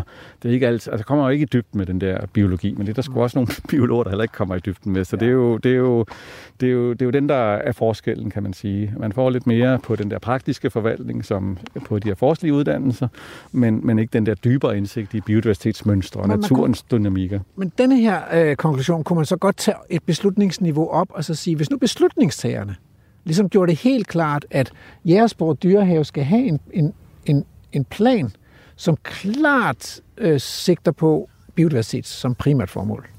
Og så selvfølgelig under hensyntagen til, at der kommer så så mange øh, gæster om året. Men du har jo selv lige forklaret, at det behøvede ikke nødvendigvis være et problem. Man kunne godt have varieret græsning her, selvom man har så mange gæster. Så skulle man måske ikke have heste, men man kunne godt med kvæg.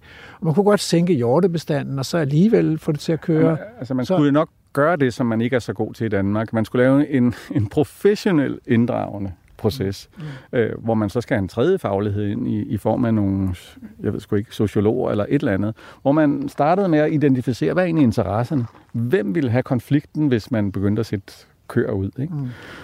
Og begyndte at snakke med dem, inden man overhovedet lavede noget offentligt. Fordi det er jo først, når tingene kommer ud offentligt og florerer på de sociale medier, øh, uden man har haft øh, taget folk i og set dem i øjnene og sagt, hey, vi vil egentlig gerne lave federe natur her. Det vil have de her positive konsekvenser men det vil også have det her, som I måske vil synes er, er farligt. Og det har man jo generelt ikke været god til. Man har lavet sådan nogle øh, processer, hvor man godt nok har lavet nogle borgermøder, og så har folk siddet og råbt, og så har man kunne sige, nå okay, nu skal vi bare finde den gyldne middelvej imellem alle de her forskellige interesser. I stedet for at udpege interesserne først, og så inddrage dem, der måske synes, det er problematisk, og samtidig dem, der vil synes, det var fedt. Og så Men Jacob, få... det her det er jo en dyrehave for alle. Det er jo alle 5 ja. millioner mennesker i Danmark, ja, ja, ja. Der, der ejer den her dyrehave. Og vi har jo et repræsentativt valgt folketing. Så er det ikke okay, at man går ind og så siger, nu har vi udpeget det her som nationalt, og det er på EU's forlangende Natur 2000-område. Nu tager vi fat i biologerne, og så laver vi en forvaltningsplan. Og, så, og, og det er for alle borgere, og ikke kun for dem, der plejer at gå her. Fordi det er jo et Natur 2000-netværk, ikke? Det er jo en national indsats, ligesom naturnationalparkerne. Altså, mener, når man jo, laver infrastruktur for alle borgerne, så, så kan man ikke spørge alle borgerne, man laver en høringsrunde, og så gennemfører man sit infrastrukturproces. Altså, sådan har jeg fået Djursland motorvejen ude, hvor jeg bor. Mm-hmm. Det, var ikke, det var ikke, fordi alle har erklæret sig enige. Der var en masse, der var skide sure på Djursland motorvejen. Den kom alligevel, fordi politikerne ikke rystede på hånden. Jo. Så er der ikke også brug for politikere, som siger, som prøv at høre, nu skal vi igennem. Det bliver altså sådan her, ikke? Jo, jo. Og vi har jo, hørt jer, vi har snakket med jer, men det bliver sådan her. Jo, jo, men og så vil der stadig være modstand. Der vil, der vil altid være modstand. Man kan ikke, man kan ikke, man kan ikke fjerne modstanden, men, men jeg tror, man kan, man kan skabe sig selv et, et, et, øh, en nemmere proces, og, og, og, og måske også, øh, altså det er jo, altså vi jo, altså, der er jo stadigvæk... Øh, altså, man er begyndt at ignorere de der folk, øh, som ikke synes, vi skal have motorveje helt generelt. Øh, men det er jo, vi er jo op mod folk, der ikke synes, vi skal have vild natur, hvis de virkelig forstår, hvad vild natur er. Ikke? Øh, så det er jo paradigmeskifte på, på forvaltning af nogle arealer, og, og det kan man da godt beslutte politisk, men, men man kan også få så meget modstand i, i et område som, som her, at, at, og du ved jo selv, hvordan fagligheden kan... Altså, der er bare nogen, der har flere ressourcer til at, at, at farve fagligheden på en måde, som slet ikke hænger sammen med, med, med den virkelige virkelighed. Og, og, på, vi er næsten på vej ind i en dialogkaffe, men, ja. men prøv, prøv for eksempel at tænke på bisonerne på Bornholm. Bisonskoven på Bornholm. Ja. Det blev lavet uden folkelig inddragelse. Ja, ja. Det var bare en embedsmand, der tænkte, det her det er visionært. Overbevist ja. en politiker, en minister, og så lavede man Bisonskoven, og nu er det den mest besøgte naturlokalitet, eller, eller i det hele taget turistattraktion, ja, ja, næst efter ja, ja, Hammershus. Ja. Så siger det ikke også noget om, at, at, at nogle gange, så skal man også bare se at få det gjort, og så, så er der nogen, der er sure, men de fleste er jo glade. Altså, alle de der opinionsundersøgelser viser jo, at danskerne vil gerne have vildere natur. Jamen, det kan godt være, du har ret. Øh, det kan godt være, du har ret. Øhm, det, skal egentlig, det er jo slet ikke min faglighed at kloge mig på. Øh, jeg har bare øh, været super ærgerlig over, at altså selvfølgelig mest over, at politikerne de er blevet bange øh, ja. for, for, for en, en, ret lille øh, opposition. Ja. Øhm, og, øh, og det skal jeg jo ikke kloge mig i, hvordan man bedst håndterer. Jeg, jeg tænker bare, at nogle af de processer, jeg har set, har ikke været, altså i forhold til, jeg har jo også kolleger, der arbejder med det her med, hvordan hvordan laver man naturbeskyttelse, som rent faktisk virker, fordi man også har lokal opbakning i den. Og nu der er jo selvfølgelig forskel på Danmark og, og, og Afrika, hvor der, der er jo ikke nogen, der går ind og, og, og sanker brænde herinde, eller klipper hegnet op. Vi, vi lever trods alt i, i et samfund, hvor naturen ikke har den samme betydning for vores daglige, dagligdag, som den har i, i, i dele af Afrika. Øh, men men øh, man kan jo godt få så stor lokal modstand, at, at noget, der ellers var en god idé, og kunne have lykkedes måske. Altså, jeg tænker også på den der vildskov syd for Aarhus. Ikke? Der var det jo også politikerne, der, der, der vaklede, og det kan jo godt være, at de var blevet, blevet væltet ved næste valg, hvis de havde kørt igennem. Det skal jeg ikke kunne sige. Og så havde man jo mistet under omstændigheder, frem for ligesom at, at, at, at sige, hey, og det behøver ikke at være super ressourcekrævende. Jeg tror bare, det kræver den rigtige øh, tidsfølge i det, og, og den rigtige faglighed, hvor man rent faktisk siger, at, øh, at, at, at at man får, får styr på sine, øh, mm. sine modstandere og sine tilhængere af de ændringer, man vil lave på forhånd, inden de begynder at, at ytre sig højlydt. Og så kan man... Øh, altså... Måske er det simpelthen en øh, dialogkaffe i et kommende øh, afsnit af Vildspor. Jakob Heilmann Clausen, tak for at gøre os meget klogere på øh, Jægersport Dyrehave som udfordring, biodiversitetsudfordring, men også som en kæmpe biodiversitetsskatkiste. Øhm, og, øh, og så vil vi prøve lige at stille et par spørgsmål omkring øh, til de her beslutningstager om, hvad er det egentlig, der er reserveret til den vilde natur i Danmark? Det synes jeg lyder spændende. Det kunne være spændende at høre nogle lokalpolitikere, som har, faktisk har indflydelse på det her område, hvad de tænker. Vi ser, hvad vi kan gøre. Mm. Du lytter til Radio 4. Så har jeg fået hul igennem til øh, Martin Sandager, øh, vildmanden fra Kravlund Mose. Er det, er det okay, Martin? Ja, det er, fint. Det er, det er en meget fin titulering, synes jeg. Ja, det er godt. Øh, det kan være, at du en dag kan blive øh, professor i vild natur, men, øh, men nu er det altså lykkedes at lokke dig indendør, for jeg har indtryk af, ellers når du, når du rapporterer fra Kravlund Mose, så er du mest udendørs sammen med dyrene. Nu er du altså inde. Jeg, jeg tilbringer enormt meget tid med, altså fordi du kan sige, altså der er jo ikke, egentlig ikke så meget at lave i mosen, i og med, at det er dyrene, der laver arbejdet. Men jeg bruger rigtig meget tid på at iagtage mine dyr, Øh, ikke at være sammen med dem for at være sammen med dyrene, men mere for at være nysgerrig på dem og se, hvad de laver, og se deres interaktioner, og se, hvad de spiser. Øh, det synes jeg er monster, monster spændende, det, det, det bilder jeg mig selv ind, jeg bliver klogere af. Og så deler du det øh, lystigt med alle os andre. Øh, du har lavet en Facebook-gruppe, der hedder noget med Kravlund Mose, Naturen i Kravlund Mose. Kravlund, en lysåben mose hedder det. Det er det, den hedder, ja. Så, øh, Meget Ja, men altså, jeg kan jo kun opfordre øh, nysgerrige lyttere, der øh, måske også efter interviewet her bliver nysgerrige på, hvad der foregår dernede, til at opsøge denne Facebook-gruppe. Øh, jeg vil godt tænke mig at starte med at stille dig spørgsmålet, at det der med vild natur, er det egentlig svært? Nej, det er faktisk, jeg, jeg siger tit til nogen, at altså det her, det som jeg laver, øh, og det er ikke for at nedgøre mig selv, eller sætte mit eget lys under en skæppe, men det tror jeg faktisk, at børn i 4. klasse, de kunne finde ud af det er ikke særlig svært. Øh, Hvad er opskriften? Det er, jamen, det er jo primært at, at slippe kontrollen. Øh, og altså sætte sæt et hegn op, og så sætte nogle dyr ud, og så være nysgerrig på dem. Ikke? Virkelig i dem, se hvad der er, der sker. Altså, fordi jeg tror, om du så sætter et, et mindre egnet dyr ind, jamen så vil du jo nok ret hurtigt komme til den konklusion, at det ikke er jordens mest velegnede dyr, du lige har anskaffet dig. Og så må du anskaffe dig et mere velegnet dyr. Øh, og man vil nok også på et tidspunkt eller forholdsvis hurtigt erkende, at det ikke kun er et dyr, man skal have. Altså, det er jo ikke sådan en... Altså, det, det, det bliver bare for... Variationen bliver for beskeden, hvis du kun har kreaturer, for eksempel. Og et mindre velegnet dyr, hvad, hvad tænker vi? Ja, der får sådan nogle mærkelige ja. billeder af strusse og kameler og sådan noget. Men hvad, ja, hvad? Jeg tænker på at købe, købe, købe sådan en, en jersiko, for eksempel. Altså en høj produktiv jersiko og sætte den ud. Mm. Altså den skal nok kunne klare sig hen over sommeren, men jeg tror, den får nogle problemer, når den kommer til efteråret, og den er jo bygget og designet til at skulle virkelig skulle levere noget. Så jeg vil, altså, man kan jo lige så godt gå efter nogle meget ekstensive dyr, som langt højere grad kan klare sig på den vegetation, der nu er til stede. Altså, de skal jo kunne klare sig på den, og det er ikke, jeg bruger, man skal ikke bruge ordet foder, for det er ikke foder. Foder det er noget, man giver til dyr. Der skal være føde på arealet. og der skal være tilstrækkeligt med føde til, at de kan klare sig, og de skal også være tilstrækkeligt nøjsomme til, at de kan klare sig med den form for foder, der er på arealet. Som så sagde jeg, så foder selv alligevel. Ja, det går nok. Du har, du har forklaret det, hvad du, tænker, hvad du mener. Men øh, kan du så ikke lige forklare, hvad det er for nogle dyr, du har sat ud i Kravlund? Nej, kan du ikke starte med at forklare? Du sagde, at man skal sætte et hegn. Det for, for rigtig mange mennesker i Danmark, så er hegn uforenligt med vild natur. Så vild natur, det er altid det, der er uden for vores by, og uden for vores veje, og uden for vores hegn. Så hvordan, hvor, hvorfor, hvorfor, Altså, altså, hvorfor det? Og det er jo ikke for, det er ikke for at provokere et bestemt segment her, men man kan jo godt have det sådan lidt, altså, altså stop vandrygt af naturen uden hegn. Ikke? Altså mm. vende den lige lidt på hovedet, fordi hvis du ikke hegner naturen ind, så kan vi ikke få det græsningstryk, som vi rigtig gerne vil have. Fordi der er jo et helt utilstrækkeligt græsningstryk på alle ikke-hegnede arealer. Det jeg kan gøre i Kravlund Mose, og det man kan gøre i Mols Laboratoriet, og det man kan gøre i Hammer Bakker og andre steder, det er jo, at man kan, man kan få det, der tilnærmelsesvis ligner et naturligt græsningstryk.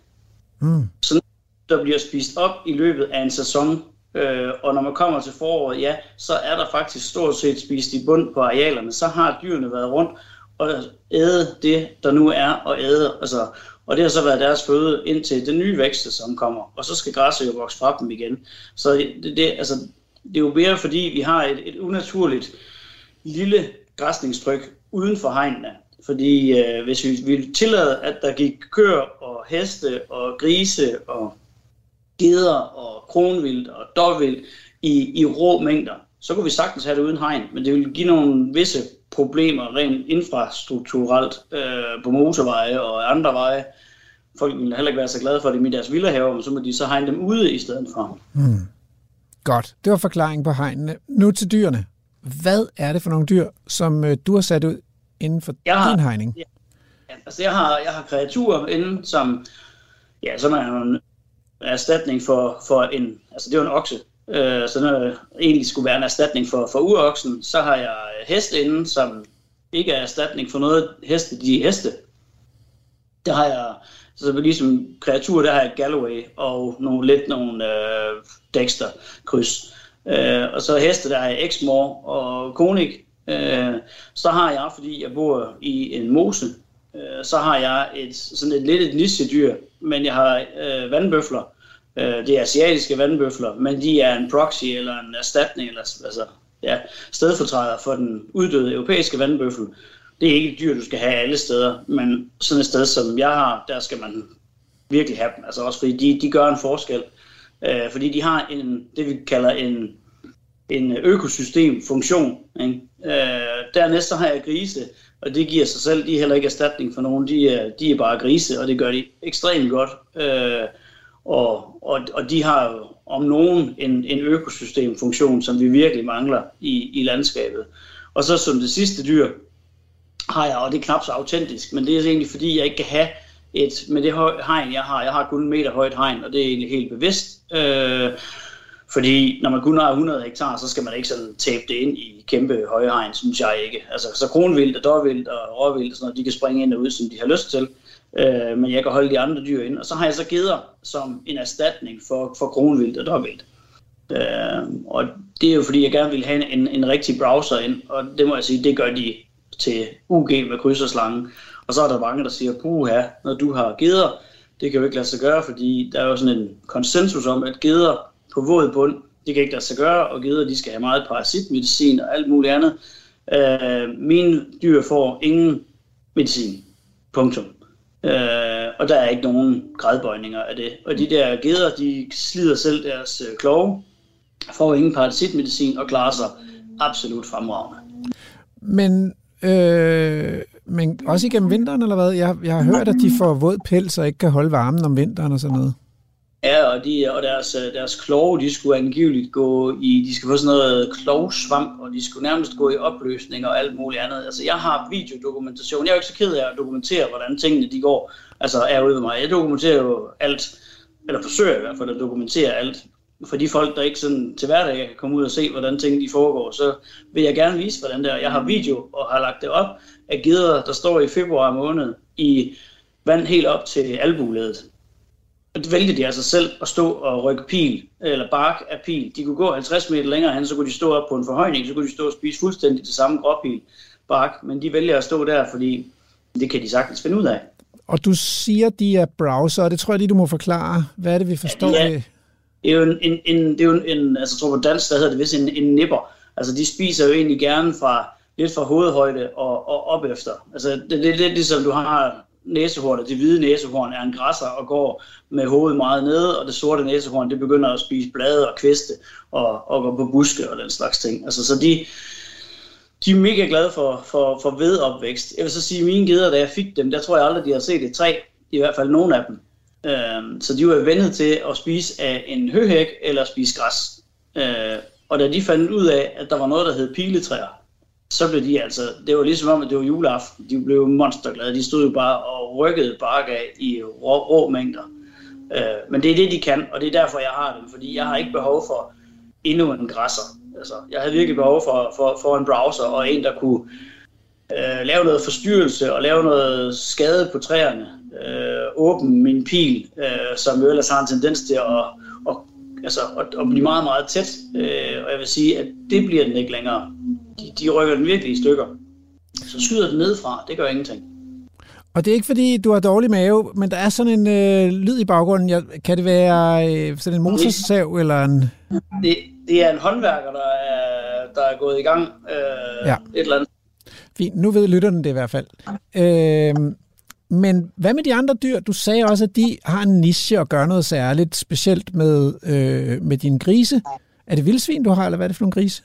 Jeg har, jeg har ikke vildsvin. Jeg har, jeg har tamgrise.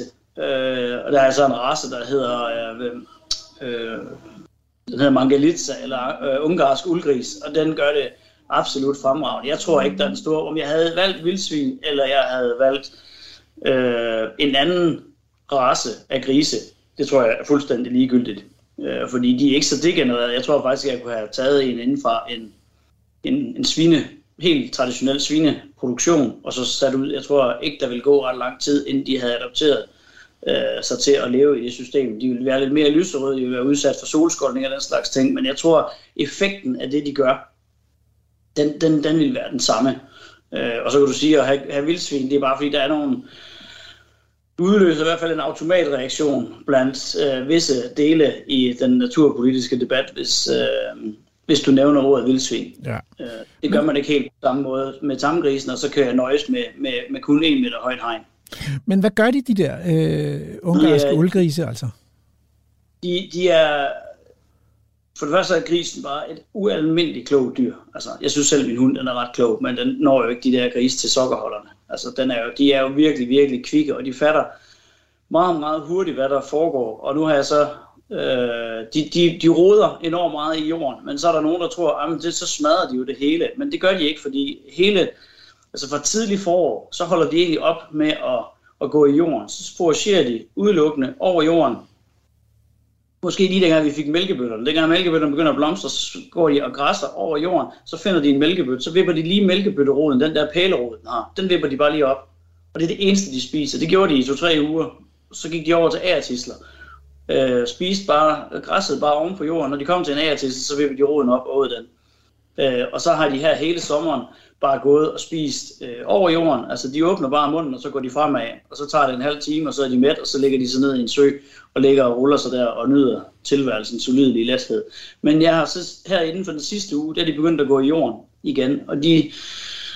Og der, der, der, går, der kommer forskellen. Altså der er der virkelig, der, der er det, de gør den helt store forskel. Fordi jeg har arealer, som jeg tror selv den mest inkarnerede, hårde venstremandspolitiker kunne, vil kunne se, at der er en forskel på, om man har gris på et areal eller. Jeg har arealer, der er væg til væg til mosebunke og lysesiv. Inde i de der ekstremt kedelige arealer nu, der kan du finde øer gange 10 gange 10 meter, 10 gange 20 meter, whatever diameteren skal være på dem. Men hvor grisene, de bare har fuldstændig fjernet alt, hvad der hedder mosebunke, alt, hvad der hedder lysesiv. De bare vendt bunden op på dem, et rødderne på dem, og så ligger de bare. Så er der, er der sådan et sort hul, og det, der er sket i år, det var jeg ret spændt på, hvad der kom som det første. Men det var gåsepotentiale, mm. der er kommet op i det der. Og det ser helt fuldstændig, det, det, det ser jo virkelig ud som om, at det er mig, der har været inde og køre med en fræser derinde. Mm. Bortset fra, at hvis jeg havde kørt med en fræser, så ville du aldrig nogensinde have fået de der mange, øh, jeg biolog, I kalder det, øh, jeg tror, jeg kalder det gradienter. Mm.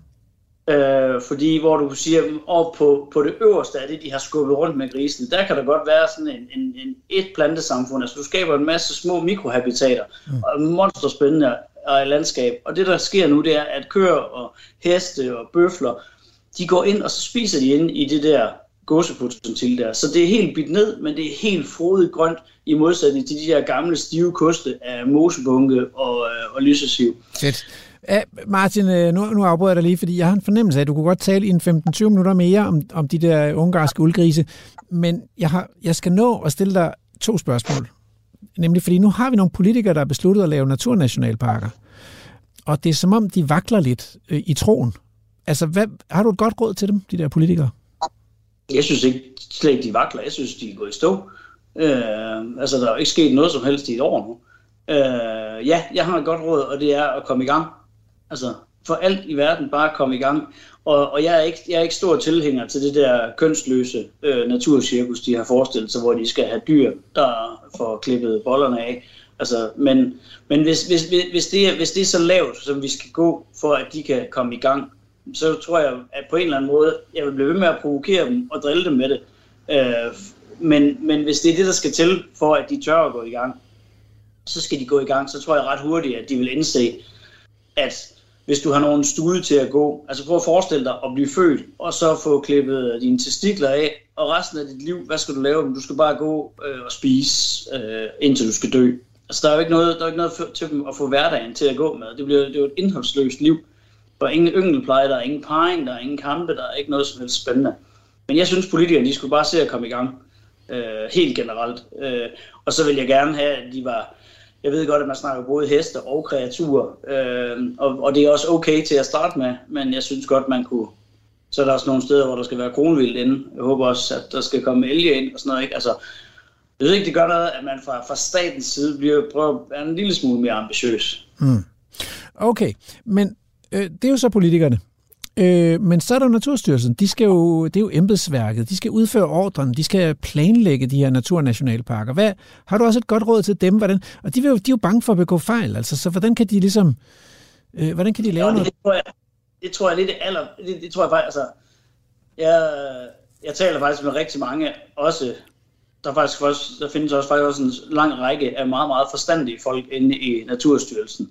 Øh, de har desværre sådan lidt en, en, en kedelig kultur, øh, som nye strategier ikke rigtig, altså kulturen, den, den der lidt træge forstkultur, den tror jeg altid, den ligesom vil, vil dræbe alle nye initiativer. Men lad os da håbe på, at det bliver anderledes.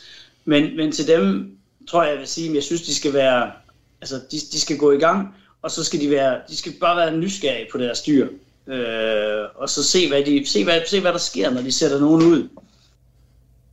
Men jeg ved ikke rigtig, hvad jeg vil, altså, hvad jeg vil råde dem til. Altså, alt, for, for, for alt i verden, så sæt dem ud og brug tid på deres dyr. Brug enormt meget tid på at jagtage dyrene. Okay. Og, og hvordan, skal de, hvordan skal de undgå at komme i uføre med, med dyr, der kommer til at lide?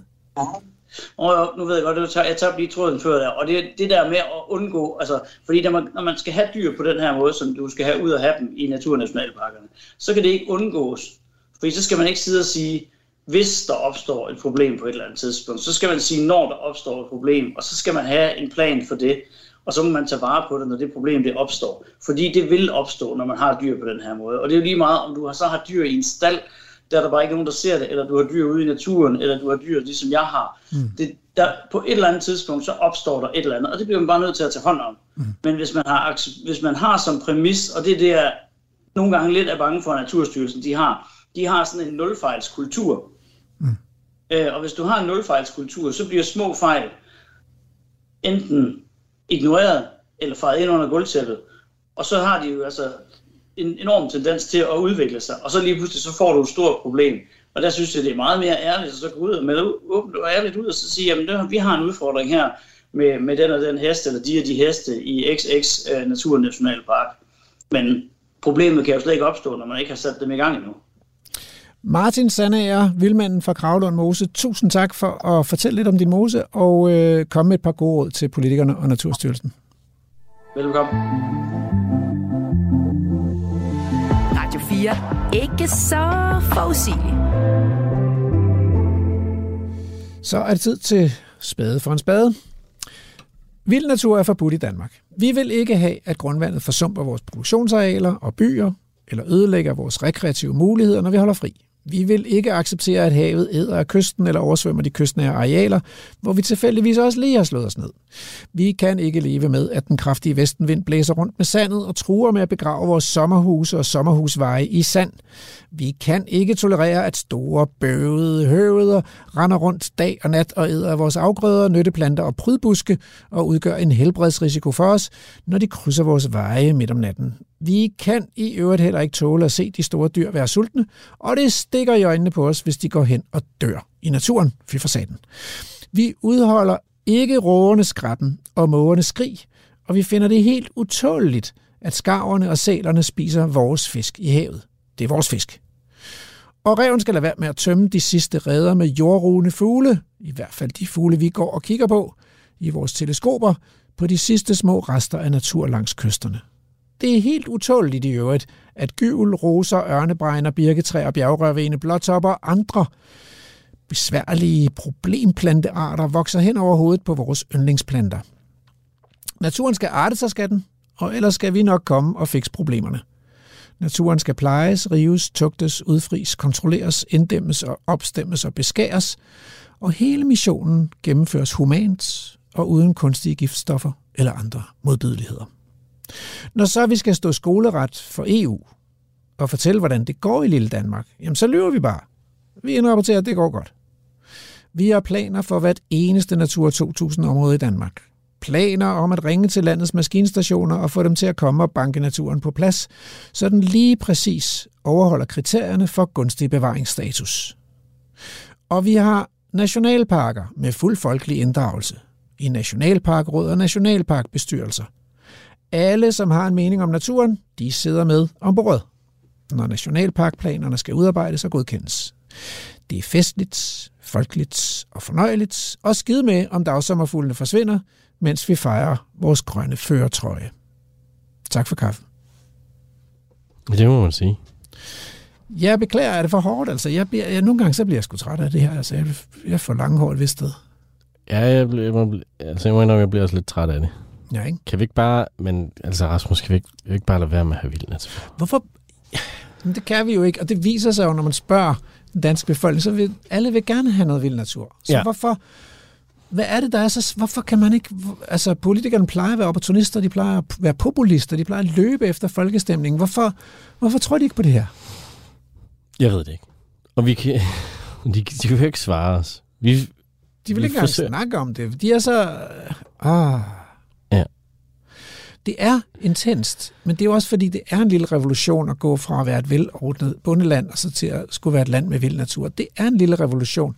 Hvad havde de regnet med? Havde de regnet med, at det ville gå sådan fuldstændig glat, og så ville der bare være fest og farver? jeg tror, det handler om de mulige øh, problemer, der kan opstå. Mm. Altså, dyr, der måske ikke har det så godt. Altså, Jeg, er helt sikkert, men, men det, det er jo stadigvæk noget, man filmer til National Geographic, ikke? Eller ja. til øh, Den Grønne Planet, eller hvad fanden de hedder alle sammen. Ikke? Det, det, er jo- det, det, er også en, det er også fascinerende. Der er også fascinationskraft i det. Men der er jo, men der er jo, der er jo skærmen imellem. Så, så behøver du ikke tænke over, at det foregår. Det er noget, bare noget, jeg ser på tv, så er det lige meget. Ja, så det er en revolution. Det er vanskeligt. Det er provokerende. Mm. Men det, jeg vil stadigvæk, det er stadigvæk folkeligt. Og det er, jo, det, er jo det, der, det er jo også det, vi selv har oplevet, når vi tager ud for at finde den der folkelige modstand. Ja. Den, som politikerne er bange for. Ja. Det er skidesvært at finde den. Mm. Hvis man bare møder tilfældige mennesker og taler, så er der sådan ikke nogen modstand. Nej. Så, så det er også et eller andet med, at, at politikerne heller ikke rigtig for, har fået det ind under huden, eller de forstår det heller ikke rigtigt. Og når så der er modstand, så pakker de ligesom sammen, og så, så vil de ikke, de vil ikke ind i det der konfliktområde. Det skal være nemt og dejligt, og... men det bliver det ikke. Det bliver ikke nemt og dejligt. Det bliver dejligt, Ja. men det bliver ikke nemt. De bliver Nej. nødt til at, at altså, vokse lidt hår på brystet. Naturen er ikke nem. Gro lidt hår på brystet. Gro, ja. Naturen er ikke nem. Nej. Også selvom Martin sagde, at det faktisk ikke, sagde, at det faktisk ikke var så svært. Og, Det er super svært. Det, er- det er super let at gøre, for man kan bare slippe tøjlerne. Ja. Det, er- det er super svært at komme dertil, hvor man accepterer det er så lidt. ja. Det må være de sidste ord. Det er de sidste ord. Øhm, tak. Øh, til, tak til dig, Andrew, for at have været igennem på rejsen, øh, selvom det har været en bitter rejse, vi har været på. Tak til Jakob Hartmann Clausen for at vise os rundt i Esbjerg Dyrehave. Tak til Daniela H. Møller fra Danmarks Naturfredningsforening og Martin Sandager fra Kravlund Mose. Og så er vi nået frem til ugens haiku. Må man leve her? Brænde, spirte, knalde, dø. Vildt forbudt, forbudt.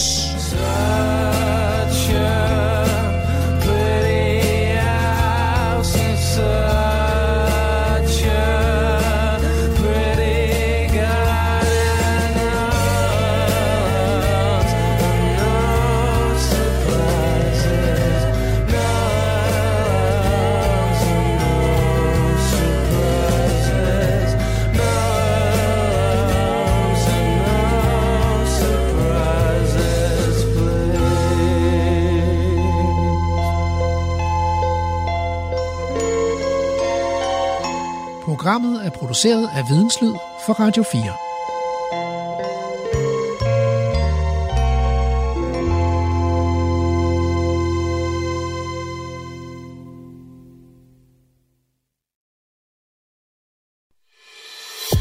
Du har lyttet til en podcast fra Radio 4.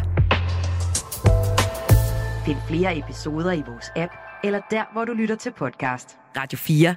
Ikke så forudsigeligt.